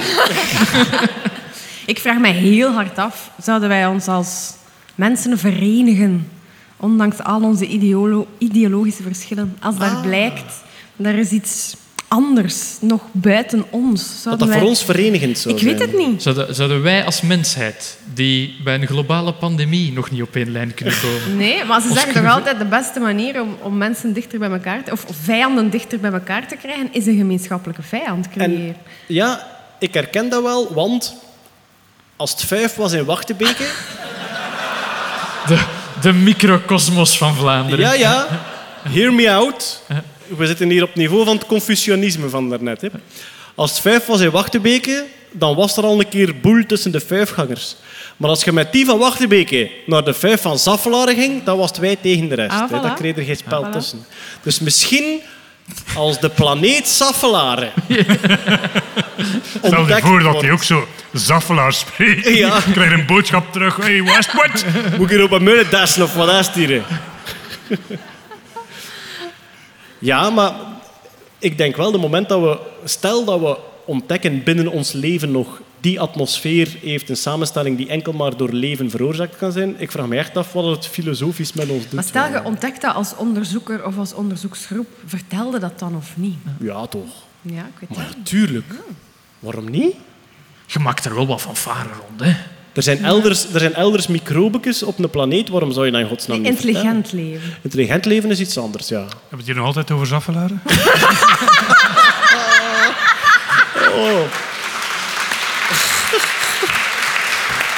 Ah, tof. Nu krijgt Frederik ook een deel van die e-mails. Frederik had verbannen uit. Ja, voilà. Ja, ehm, eigenlijk qua, ik denk qua grote wetenschappelijke thema's hebben we ze ongeveer wel gehad. Eh, het Chinese cultuurstuk hebben we het dus al gehad over de, de koningen en zo, die met elkaar in conflict lagen. Maar het boek begint in de culturele revolutie. En ik, ik kende het totaal niet, Frederik, dus voor mij was dat echt nieuw. Dus eh, ik probeer het te duiden en jij stelt bij waar nodig. Je zit al in een communistische republiek, maar, 1966, lieve. Ik Ja. Even een hetty. maar binnen, dat, binnen dat communisme heb je dan ideologische verschillen. Je zou kunnen zeggen katholieke protestanten. Ja. Splintergroepen. Ja, ja, Nee, lieve, nee. zoals altijd is... Links is altijd verdeeld, zeggen ze. En Ja. even om de, om de voorgeschiedenis te schetsen. Je had dus de, de, de strijd van de communistische partij om aan de macht te komen. Die zijn in 1949 aan de macht gekomen met Mao als ja, uitgesproken leider, eigenlijk. Eh, dan is ja, het grote werk begonnen om die maatschappij van zoveel miljoenen te leiden naar, naar een betere toekomst. En eh, Mao had op een bepaald moment gedacht van we gaan de grote sprong voorwaarts doen. Eh, iedereen moet eh, hoogovens bouwen van zijn bakoven voor brood en zo verder. Dat is een geweldige mislukking geworden eigenlijk. Daar is Mao zijn macht een beetje tanende geworden. En wat heeft hij dan gedacht? Van ja, ik moet mijn imago hier wat opvijzelen en die is de culturele revolutie begonnen. En het idee van die culturele revolutie was inderdaad van, hè, we zijn, eh, er zijn nog te veel wat ze dan reactionaire elementen noemen in de maatschappij aanwezig. Eh, ze hadden nog altijd een aantal grootgrondbezitters die nog niet onteigend waren. Er waren intellectuelen die nog van de aristocratie van vroeger stamden, enzovoort en zo verder. En Mao zijn gedacht was van, om een nieuwe maatschappij te bouwen, moeten wij komaf maken met die oude vormen en gedachten. Beetje link met de Franse revolutie. De elite moet er van tussen. En toen de adel moet weg. Ja, Ja, oké. Ja. Eh, maar ook, ja, het kwam eigenlijk uit, uit Mao, die zijn machtspositie toch weer wou, wou eh, versterken na het fiasco van de grote sprong voorwaarts. En die heeft dat in gang gezet, maar dat is een beetje uit de hand De gelopen. teugels verloren. Ja. Waardoor dat je plotseling echt zeer militante splintergroepen krijgt, die bijna dogmatisch op hun versie van de ideologie staan en die strijd voeren met elkaar binnen China. Dan. Ja. En ik moet, en moet daar wel aan toevoegen, ik ben niet de specialist van de cultuurrevolutie, maar ik heb ook met een aantal mensen gesproken die dat meegemaakt hebben nog, hè, want die, die zijn er nog. Ehm, en ik heb toch ook wel een beetje de indruk dat er eigenlijk twee kanten aan het verhaal zijn, of twee, twee redenen. Eén, en, en dat wordt ook in het boek beschreven, in de hoofdstad en in de grote steden was het zeker zo. Daar waren de jongeren die eh, dachten van ja, we moeten meer internationale revolutie voeren. En er waren anderen die zeiden we moeten ons meer op eh, China focussen. En die batsten elkaar de kop dan wel eens in. Met het vuur van de studentenprotesten, Voilà, ja. eh, jong en Ja. wereldbestormers en dan keihard tegen elkaar. Maar als je dan een beetje verder in de provincie gaat kijken, dan zijn er een paar mensen die denken van goh, is je toch wel een keer het goede moment om mijn buurt een kloot af te draaien. Oké.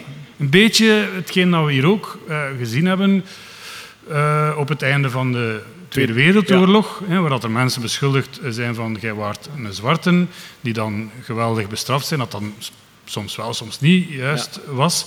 Eigenlijk gewoon uit plat opportunisme van ik ga mijn eigen positie in de maatschappij bevorderen en daarom dat dat ook ja, zo geweldig als een vonk eh, de boel in brand gezet heeft en over het hele land geraast. Nu, dat, dat was een... en De, de Communistische Partij heeft dat dan ook later gezegd, eh, nadat Mao gestorven was. Dat was een geweldige fout. Dat was een foute periode. Eh, maar als, ik- als ik met de mensen die dat meegemaakt heb spreek, dan die zijn daar ook niet zwart-wit tegenover. Een van mijn collega's bij Logistics Plus in Shanghai, die heeft dat meegemaakt. Die, is, die was 18 toen dat de revolutie uitbrak, de culturele revolutie. Die is, heeft als 18-jarige man zijn studie aan de universiteit moeten onderbreken en die is voor twee jaar naar het platteland gestuurd om noestenarbeid te doen. Dat was daar een deel van. Hè? Dus een de, deel van. de elitaire student moet met de handen in de grond staan om te weten wat het is. En die zegt van ja, dat was geen plezante periode, maar die heeft niet die echt gruwelijke taferelen meegemaakt. Eh, die is dan teruggekomen, die heeft dan wel weer Engels mogen studeren en die zegt van ja, eigenlijk heb ik daar wel iets uit geleerd. En onze AI, onze, onze nanny die wij hadden, want in China eh, bestaat het concept crashes niet. Dus als je daar wilt dat er voor je kind gezorgd wordt, dan moet ofwel een van de beide ouders thuis blijven. En nog voor mij, nog mijn, voor mijn vrouw. De- We liepen de muren op, dat kind zou dat niet overleefd hebben. Dus wij, Een AI, AI is tante, denk ik. hè? AI is tante. Artificiële intelligentie. Je neemt een tanteken in huis. We nemen een tante in huis. En die kwam van het platteland. En, die zei, en eh, we zijn bij haar op bezoek geweest, ook op het platteland. En daar hing de foto van Mao nog prominent in haar huis. Die zei van ja, voor ons was dat geweldig. Die, die, die gastjes, die omhoog gevallen gastjes van de stad, Die kwamen iedere keer onze en die moesten onze Ja, stallen mesten in onze land. Dus ja, Dus maar som- goed. sommigen waren beter af, sommigen waren slechter af. Maar de scène die mij, die mij het meeste aangreep, en daarom was ik zo benieuwd of dat, dat nu historisch was, was dat er binnen de universiteiten, ook in de exacte wetenschappen, eigenlijk beslist werd welke versie van de natuurkunde dat er wel of niet overeenkwam met de ideologie. En dat ze bijvoorbeeld zeiden... Ik heb één iets gelezen ook in dat boek. Ik ben dat achteraf dan gaan opzoeken. Dat blijkt dan ook zo te zijn. Dat een deel van die zeer zware ehm, eh, antireligieuze ideologieën, bijvoorbeeld het concept van de oerknal, niet wilden aanvaarden. Want dat zou zeggen dat er voor de oerknal een niets moest geweest zijn. En dat gaf mensen de mogelijkheid om daar een god te definiëren. En daarom mocht de oerknal niet onderwezen worden. En werden professoren die de oerknal wel onderwezen, dan ook publiekelijk met zweepslagen bewerkt enzovoort. Ging dat zo ver, dus dat er echt een verbod was op bepaalde exacte wetenschappen? Geen, geen, zeker geen algemeen verbod, maar dat komt opnieuw naar dat. Het is een machtsstrijd. Hè. Ja. Eh, die willen die bepaalde professor weg, ja, dan zoeken die een reden. En dan komen ze al een keer uit van, ah, die zegt dat de oerknal bestaat. Mao heeft daar in zijn rode boekje niets over geschreven. Ja. Dus, eh, voilà, u wordt ja, een Eigenlijk kopje zoals, kleiner gemaakt in, in de slechtste gevallen. Ja. ja, eigenlijk zoals als je, als je vroeger iemand van blasfemie kon beschuldigen, dat spreekt zo Spaanse inquisitietijd. Als je iemand van blasfemie kon beschuldigen, was elke reden goed om, Ja. die, om die aan te vallen. Maar ik, ik wist niet dat, dat inderdaad zuiver op, op, op eh, linkse politieke ideologie er tijdens die culturele revolutie echt zo'n strijd gevoerd is, ook binnen de universiteiten, naar bepaalde professoren en bepaalde vakgebieden zelfs, die niet, niet gegeven mochten worden. Of ja, niet gegeven mochten worden, die geweldig Officieel van de centrale regering is daar nooit... Wettelijk maar goed, het, ja. In de buitensporigheid van die culturele is dat dan eh, voorgevallen. Ja. Ja, ja. Ja. En dat is echt een, een tekenende periode geweest voor, voor heel China. Maar en soms, en als ik dan nog even een voetnoot erbij wil zeggen, die culturele revolutie heeft ergens ook wel gedaan dat ze voor stond, dat is een culturele revolutie geweest. Want als we daarnet het concept van Conf- Confucianisme eh, aanhalen, hè, de, de vader-zoon-relatie, de grote broer-jongere broer-relatie. Goed, dat idee is in China nog wel ergens aanwezig. En dat ziet je bijvoorbeeld ook in, en dat is er nu gelukkig aan het uitgaan, maar tot twintig jaar geleden, en onze AI bijvoorbeeld, die moest en zou een zoon hebben. Hè? Want een zoon Ah, ja. kan zijn voorvaderen dienen en een meisje wordt uitgehuwelijkd. Naar een andere familie. Ja. En ook binnen de business bijvoorbeeld, eh, als je met iemand goed overeenkomt, dan noem je die, als hij ouder is, eh Take, grote broer, en hij noemt u Titi, jongere broer. En dan heb je ja, die soort Confucianistische band, waarin dat hij u gaat beschermen en jij moet hem steunen in zijn Ja. dingen. Maar dat is allemaal in China vrij latent aanwezig. Maar als je naar Korea gaat of Japan, dan merk je dat die invloed van het Confucianisme daar nog heel veel sterker aanwezig is.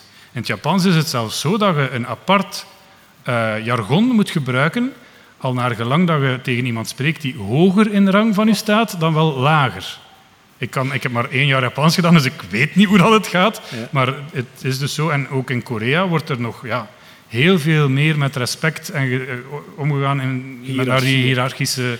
En dus die culturele revolutie, daar ben ik wel van overtuigd, die heeft dat in China wel een beetje... Voor een stuk uitgevlakt. Ja. Ja. Natuurlijk met de prijs die ze ervoor betaald Ja. hebben, maar eh, ja, het is er wel een gevolg van geweest. Ja, is geweldig interessant. En ik heb even kunnen nadenken, Hetty. Ik heb geen boek over de ganse Chinese geschiedenis. Maar als je zowel de geschiedenis van de revolutie eh, van 49 tot en met midden jaren 90 wilt lezen in een onderhoudend verhaal, dan kan ik u ten eerste het boek eh, Brothers van Hua eh, aanraden. We zetten, het in de, we zetten het in de show notes. eh, zetten het Ik eh, zet het in de show notes. Schrijf het eens op. En dat is ja, ook een, een fictieverhaal dat het leven van twee broers beschrijft.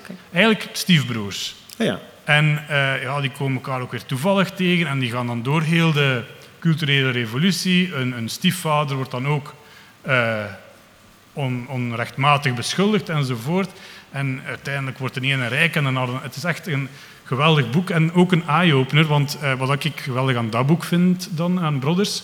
Hier in, in, in het Westen leeft heel dikwijls de veronderstelling dat Chinezen allemaal brave mensjes zijn die nog nooit van eh, seks gehoord hebben. Maar als je dat boek leest, daar krijg je toch soms rode oortjes van. Dus dat is heel, het is geen Brusselmans, maar het is, Ja, ja. Het is heel expliciet. En echt een aanrader om eens ja, toch de Chinese cultuur Ah, wat, wat te leren Waarvoor kennen. dank. Dat is Ja. goed.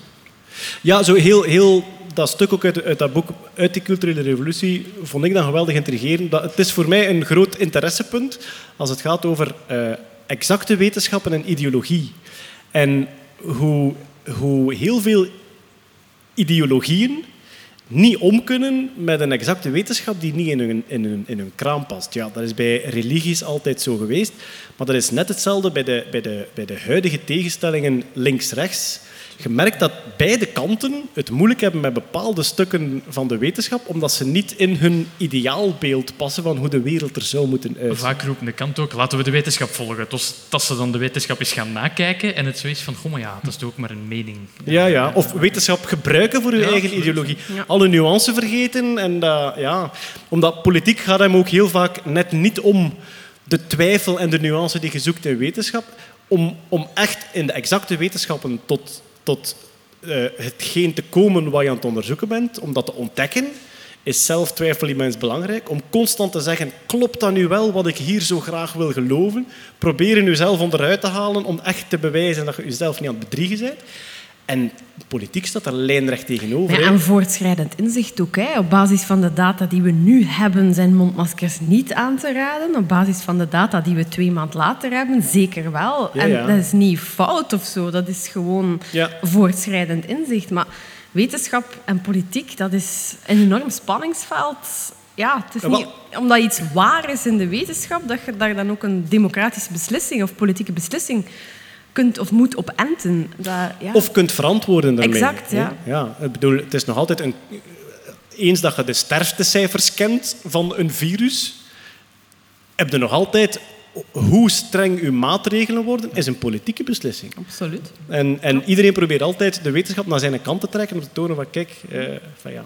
Maar dat vond ik dus ook een zeer boeiende passage, die, die ideologie en die wetenschap die elkaar vermengen. En ook omdat in al mijn naïviteit ik niet wist dat ook de exacte wetenschappen, en dat bedoel ik de in mijn ogen ongevaarlijke exacte wetenschappen, zoals de relativiteitstheorie, dat die toch sterke ideologische tegenstanders kunnen hebben. Ja, dat vond ik een, een wonderlijke passage in dat boek. Goed, ik denk dat we langzaamaan gaan afsluiten. Wat ik nog wou doen als afsluiting is ehm, een paar van de andere eh, eh, hoogtepunten in de nerdfictie. Wou ik even kijken hoe verhoudt dit zich tegen, hè, dit boek of deze tri- eh, trilogie, hoe verhoudt dit dat, ja, tot de andere klassiekers. Ik denk ehm The Hitchhiker's Guide to the Galaxy, kun je daar wel in vernoemen. Totaal ander genre Dat eigenlijk. is, dat is eerder entertainment, denk ik. Wel, we hebben ooit ook gelijk Star Wars tegen Star Trek gezet. Star Trek is science fiction en Star Wars is een ruimteopera. Hè. Dat is, dat Dat is, is- ja, de, de ja. kwaaie pa, Ja. de jongen. Allee, dat, dat, eh, de Hitchhiker's Guide to the Galaxy is voor, voor mij toch eerder een boek. Ja, ik kan het nu niet vergelijken met dit boek, maar ik het niet denk, denk niet dat er hier om de, om de pagina de, over de grond gerold wordt van het lachen. Nee, het is een Eh, ander eh, genre. nee. Hitchhiker's Guide to the Galaxy is van de beste comedy die er is, maar dan ook nog eens doorspekt met hele slimme vondsten over En duizend woordgrappen. En ik weet niet of Ja, dat voilà. meneer eh, Shishin Liu zo'n fan is van woordgrappen. Chinezen over het algemeen wel, maar... Is ik Maar heb- niet. Ah, mijn volk. Eh, Maar heel Dune, flauwe wo- maar uw volk, ja. Dune ligt er dan dichter tegen? Maar ik, ik heb... Nee, ik... Nee, oké. Nee, liever Ik, niet. vind, ik heb het eh, tegen u al Nee. gezegd. Ik vind dat, dat dit boek zich tot Dune verhoudt, een beetje zoals Star Trek tot Star Wars. Ah ja, want Dune is eigenlijk ook wel een beetje Een beetje een, een ruimteopera. Hè. ruimteopera. Dune is ook vaak naast Star Wars gelegd als zijnde van... Maar Ja. Star Wars succesvol is in filmvorm, dan moet het met dit toch ook Ja. lukken. En dat, eh, Dus eh, ik vind, ik vind het zo wat te vergelijken. Ja. Ja. De, de Martians had ik ook aan te denken, of The Expansion, hè, zo, Ja. zo, tv-fictiereeks. Ja, die, die, doen, die doen ook wel een beetje dat, dat we kijken niet te ver in de toekomst. We kijken niet Star Trek ver in de toekomst, maar we kijken naar wat als de huidige technologieën echt nog wel een grote stap beter geworden zijn. Maar die, die, die- spitsen die zich niet eerder toe op ruimtekolonisatie? In de zin Ja. van, wij willen ooit, wij als mensheid zijn op een andere planeet. Of dat dan nu met Damon is die kakpatatten maakt, of die expansion, heb ik zelf niet gezien, gaat denk ik over een Wel, ruimtekolonie die... Ja, die expansion heb je echt... Je hebt, je hebt bestaande ruimtekolonies buiten de aarde en ook op asteroïden enzovoort. En die doen er clevere dingen mee. Eh, mensen die geboren zijn in lagere zwaartekracht, die zijn zo wel langer en slapper. Maar in die expansion is dat, in die expansion is dat eigenlijk gewoon een decor voor een soort, eigenlijk bijna ehm, noir detectieve, zo, van die oude detectieve-achtige reeksen, de, de private, private detective. Dus dat is meer een decor voor dat soort verhaal. En eigenlijk het, verhaal zoals dat je het hier hebt, dat immens gaat over de psychologie van de personages, de, de ideologieën en ook wat de, de intriges. En dat ze zo... Ook het, het mysterieuze erin. U, uw hoofdpersonage komt van alles tegen dat niet te verklaren is. En je zoekt een beetje mee naar van waar komt dat, hoe leggen we dat hier samen. Dat heb ik eigenlijk in science fiction nog niet zo vaak gezien. Als buitenstaander, als je mij dit boek beschrijft, denk ik van, goh, proberen ze niet heel veel grote concepten met twee keer een hoofdletter te goochelen. En dan denk ik van, is het geen te pretentieus boek? Maar je hebt het niet gelezen. Ja, ik, daarom, ik mocht het niet lezen, Hetty. Ik vind het een goede vraag. Is het geen te pretentieus boek? Want Nee. ik kan me voorstellen dat er mensen in het publiek zoiets Nee. hebben van, goh, ja, drie lichamenproblemen, daar heb ik...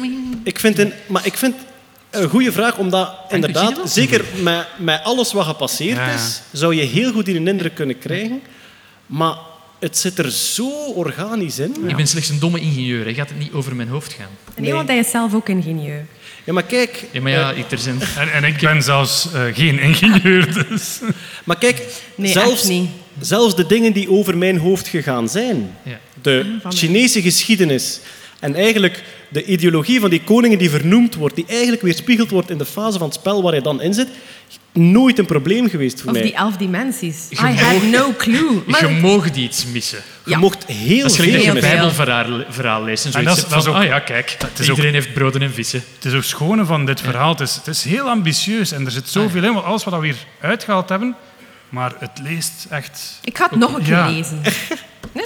Maar het blijft gewoon, ja, het blijft los van de decor en van de verwijzingen en van de geschiedenis en de wetenschap, blijft het gewoon een intrigerende, psychologische, ja, who done it, mystery boek. Dus ja, ik, ik heb niet de indruk dat we, dat we, dat we bijna verkoopstv aan maar Ja, ik ben ook aan het denken van waar verkopen we dat hier na de show? Maar het is, het is te bestellen bij uw lokale Ja, maar boekhandelaar. het is- ik, ik moest ook, want ik heb zo'n lijstje gemaakt. Ik denk Blade Runner, Westworld doet dat. met- Ah, ja. West, misschien is Westworld nog wel een goede vergelijking, omdat in Westworld gaan ze ook technologie uitvergroten en gaan ze daar uiteindelijk ook wel een beetje ideologische Ja. strijd en dat soort dingen instoppen. En dat heeft, dat heeft het ook. Maar ja, het is nog iets rijker in, in, in boekvorm dan, eh, dan in een tv. Kleine teaser voor Lieven. In boek 2 en 3 heeft het ook een zeker Doctor Who gehaald. Ja, nu hebben we iedereen overtuigd, denk ik, die nog, eh, die nog hangende was. Oké, ik denk dat wij ongeveer gaan afronden. Straks is er nog een specialeke. Voor iedereen die wil, krijgen we Chinese uitspraakles. Van Long Fre- overdue, Lieven. Van en Frederik. iedereen die wil en Lieven die moet. Ja, wel. Ehm, voor iedereen die A Clockwork Orange gezien heeft, zo die oogklepjes die dat openhouden, ik denk dat Frederik ze bij heeft. Ik denk dat ik die straks opgezet krijg. Maar voor de podcastluisteraars, ik weet niet of dat we dat ook gaan... Misschien gaan we de, eh, gaan we de audio opnemen ook, of misschien ergens te zetten. We zullen zien. nodig. Hè, ja. Ja, ah, wel, ja, we zullen zien. We gaan misschien een manier vinden om dat toch online te zetten, want ik denk dat veel mensen daar ook wel in geïnteresseerd zijn. Ja. Maar nu gaan we hier die podcast afronden. Wij zaten in Antwerpen in het De Antwerpse Brouwcompagnie, ABC. in de Antwerpse Brouwcompagnie voor een Nerdland special podcast over The Three Body Problem, het boek van Tsushin Liu. Oké, ik heb het goed uitgesproken, eh, doet Frederik het tegen. Eh, en dit was een Sound of Science Night. Ik dank iedereen om te luisteren tot hier. Ik dank natuurlijk ook Jeroen Paard hier aanwezig. En we hebben Hetty Heltwoorden hier aanwezig. Veel plezier. En we hebben de man die echt bestaat, mijn neef Frederik, die in China gewoond heeft. Heel erg bedankt ook aan het hele publiek dat hier aanwezig was. Tot de volgende keer. Dag.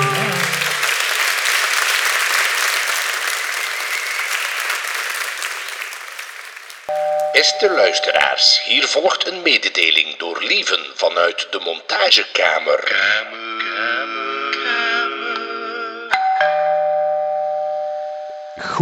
ochtend, middag of avond. Het is hier Jeroen vanuit de montagekamer. Eh, en eventjes om te zeggen dat de les Chinees voor beginners, gegeven door Frederik Gernaert, of toch de man die beweert Frederik Gernaert te zijn, die hebben we als extraatje in de show notes geplaatst. Eh, omdat je daarbij ook wel wat visuele cues nodig hebt, namelijk de slides die Frederik had voorbereid. Dus rep je naar maandoverzicht.nerdland.be of podcast.nerdland.be of zoek op YouTube naar Nerdland en daar staat het filmpje met de slides bij. En dan spreek je geen enkele Chinese naam nog verkeerd uit. Dus eh, zeker gaan kijken en bedankt voor het luisteren. Doei! Einde bericht.